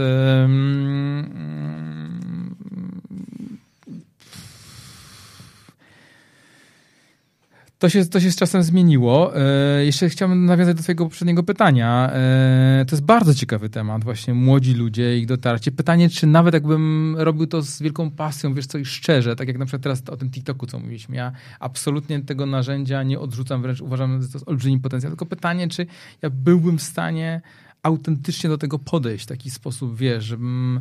To już nawet nie o to chodzi, żebym miał swój kanał, na TikToku, bo to nie o to chodzi, tylko żebym to zrozumiał tego właśnie nowego, e, nowego konsumenta, który jest tam, który jest coraz bardziej silny i moja córeczka dziesięcioletnia jest non-stop na TikToku i ja podglądam czasem i patrzę i zastanawiam się, czy ona wie na przykład, że w tych filmach różnych są takie, wiesz, brandy się pokazują w taki bardzo subtelny sposób i tak dalej. Czy ona zdaje sobie sprawę, czy, że to jest e, jeszcze marketing, czy już nie jest marketing. E, ale ona do, do, tego zupełnie inaczej podchodzi. W ogóle, w ogóle młodzież zupełnie inaczej podchodzi do takich spraw e, Naprawdę? komercyjnych. Znaczy moim zdaniem, wiesz co, nie ma obciachu, jak to jest napisane, że, to jest partnership e, A, o to, o, to, o to, ci chodzi. Dla mojego pokolenia partnership oznaczało, że to jest sprzedałeś ściema reklamowa, sprzedałeś, się. I w ogóle A teraz prawda. dla młodych ludzi w ogóle marki takie jak H&M, marki modowe robią świetną robotę. Tam nie ma, dla nikogo nie jest problemem to, że, że marki wchodzą i finansują coś, to jest super. No, to, to, jest, e, to jest taki kłopot, który już faktycznie, jak o tym mówisz, e, bo dokładnie mój starszy syn z kolei też ma 10 lat i dokładnie już w tym roku odkryłem, że e, jest już w szponach marketingu i głównie influencerów. Znaczy faktycznie przychodzi bardzo konkretnie, już z bardzo konkretnymi markami, które mi wskazuje i już jak już trzeba zrobić zakupy, to już jest to, są, to, jest to, jest to pełen Może branding. tylko nie pozwolą nigdy, wiesz, założyć torebki Gucci na głowę, proszę cię. Nie? To, nie, nie, to już jest... To już jest e, tego nie przejdziemy, ale na, na, na razie jestem jakby bardzo bliski, e, czy też wybiera marki, które są jeszcze dla mnie jakby ciekawe. Jak to, to choć muszę powiedzieć, że naprawdę miałem z nim kiedyś ciekawą dyskusję w ogóle o markach. Tak w ogóle tak zupełnie z innej rzeczy, bo weszliśmy sobie na Zalando i zaczęliśmy przeglądać koszulki i on nagle zadał przepiękne pytanie, jak na młodego chłopaka, czyli zadał pytanie, dlaczego ta koszulka kosztuje tyle, a taka sama, tylko bez znaczka kosztuje cztery razy mniej. No i wtedy musiałem mu wytłumaczyć wszystkie historie dotyczące jakby brandingu i wszystkich poszczególnych rzeczy. Niestety nie wpłynęło to na jego e, Wiesz, że gdzieś zachowanie konsumenckie. Gdzieś mi mignęło, że te koszulki Zuckerberga, e, te, te szare takie, bo on mhm. ma takie podobno wszystkie takie same, to każda kosztuje około 700 euro. Bawełniana podkoszulka szara on ma ich podobno w swojej garderobie 100 700-600 euro kosztuje. Taka specjalnie dla niego uszyte, takie wiesz, dopasowane przez jakąś dużą markę. Nie pamiętam, która marka, ale, ale to nie jest zwykła szara koszulka, wiesz, e, z dyskontu, czy z jakiegoś masowego sklepu. Także wszędzie gdzieś jest jakiś tam, wiesz, branding i nie, myślałem, że ktoś do mnie dzwonił. I jednak, że ktoś, e, ktoś za tym wszystkim stoi i robi tę, tę komunikację. Pytam o to, bo, bo, faktycznie ja mogę powiedzieć, że ja mam z tym problem. Znaczy dzisiaj już nie, ale dużo czasu mi zajęło to, że jednakże jako chłopak, który no, długo pracował w dużej amerykańskiej firmie konsultingowej, później założył swoją firmę i zawsze pracowałem dla korporacji, co w praktyce oznaczało, że jak szedłem na spotkanie z klientem, to po drugiej stronie byli ludzie starsi ode mnie. Taki to jakby było takie absolutnie naturalne, że jakby albo byli w tym samym wieku, aż mniej więcej dwa lata temu e, jakimś dziwnym trafem zacząłem pracować również dla e, startupów.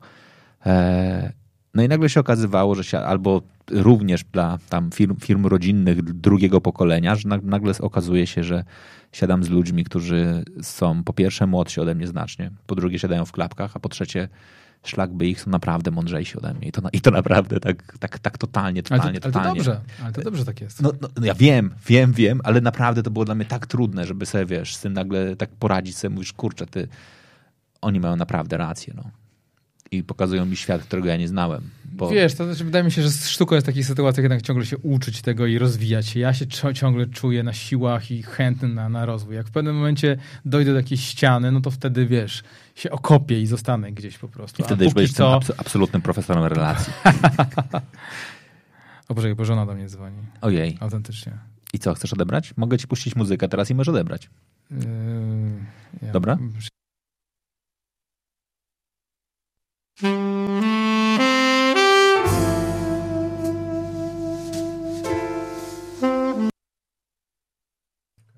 Znaczy, znaczy, że cię nie oglądała. No widocznie nie. Ojej. Masz kłopoty? Nie, bo nie chciałbym, żebyś miał kłopoty już pierwszego dnia, wiesz, po e, odejściu z pracy. Bo to, to, to nie, nie, nie. Wiesz, ja, umówmy się konkretnie, już jakiś czas temu nie pracuję w Playu. Formalnie moja współpraca się zakończyła dzisiaj tak ostatecznie. Dlatego stąd ten nasz konkurs, czyli jaki mam zmienić e, opis na moim profilu na LinkedInie. E, w nagrodę zapraszam na jakieś fajne wyjście mm, gastronomiczne. Okej. Okay. Jakiejś ciekawej restauracji nowej. Ostatnio w żadnym fajnym miejscu nie byłem. Czyli jeszcze do tego będzie można sobie wybrać na przykład miejsce, do którego się Tak, pójdzie. tak, ja bym chciał, żeby to, wiesz, to było taki win-win. Okej, okay, czyli ktoś wybiera normalnie, czyli normalnie... Ja poznaję ciekawą osobę, mam fajny opis na LinkedInie, więc ktoś idzie do fajnej knajpy, no, no wiesz, no po prostu... My Polacy podobno mamy problem z tym, wiesz, robieniem czegoś win-win. Ktoś mi to powiedział, taki mądry obcokrajowiec. Powiedział, że my Polacy to lubimy wygrać, jak już przegrywamy, to żeby nasz ten drugi też przegrał. I wtedy to daje nam jakąś satysfakcję. Ale to jest prawdziwe. Znaczy, nigdy tak nie, nie, nie patrzyłem, bo pewnie. No ja e, też na to, ale właśnie ten człowiek mi to bardzo tak w, w, w, jasny sposób, że często w negocjacjach w Polsce tak naprawdę albo wszystko w ogóle, wiesz, siada i w ogóle rozchodzimy się, a dupa, nie, nie zrobimy tego. Eee, zamiast jednak gdzieś znaleźć takie porozumienie. No, mój konkurs to jest zdecydowanie win-win. No dobra.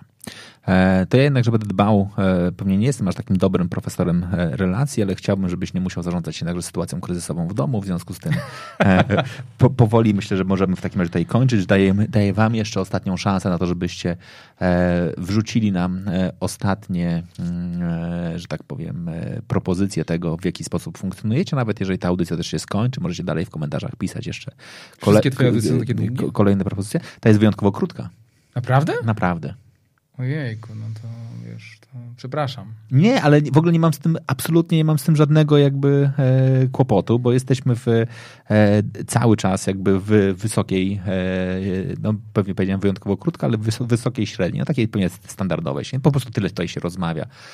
E, bardzo dziękuję za zaproszenie, bardzo ciekawy wieczór. E, ja też bardzo dziękuję za e, przyjęcie tego zaproszenia. W takim razie, jeżeli nie macie dla nas dodatkowych pytań, to co? Za chwilę sobie puścimy już na stałe tę mu muzykę. E, przypomnę, waszym gościem był e, rewolucjonista, który nie lubi, nie lubi tego określenia, profesor e, relacji, człowiek, który odkrył, że w PR na pierwszym miejscu jest people, co jest w ogóle absolutnie cudowne i bardzo często o tym zapominamy i myślę, że jak zajmujemy się relacjami, to warto o to pamiętać. Niedługo pewnie poznacie go jako rzecznika rządu, który będzie rządem eksperckim, który przywróci E, z powrotem e, wiarę e, nam wszystkim w to, że polityka może być normalna, oparta o zasadę win-win, której w Polsce nie ma. Bardzo dziękuję.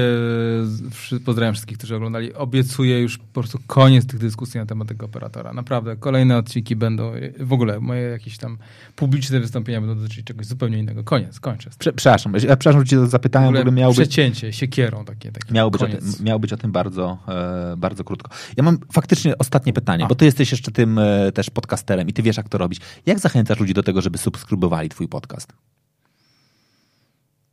Zachęcasz ich? Mówisz teraz, żeby subskrybowali, czy nie? A. Nie, nie, nie. Nawet nie wiem, czy mam, czy mam dużo subskrypcji. Nawet tego nie, nie, jakoś tak nie sprawdzam. Wiesz, ja jestem taki w ogóle, wiesz, naturszczyk. Czyli nie, wszystko, co robię, to robię tak na czuja. Czyli nie mówisz teraz, dajcie suba i e, lajki w górę i łapki. Nie, brakuje mi w podcastach, wiesz, co, koment, e, komentowania. Chciałbym, żeby ludzie pisali, wiesz, e, komentowali więcej na przykład, co im się podobało, co im się nie podobało bo to gdzieś tam na pewno, wiesz, co chętnie bym to poczytał. To jest to, co, czego mi brakowało, brakuje, wiesz, bez bloga teraz. E, e, ale nie, nie, nie, kompletnie czegoś takiego, nie ma takiego call to action i naprawdę robię to z czystej pasji i nie wiem nawet, kurczę, ile mam subskrybentów, ale obciach.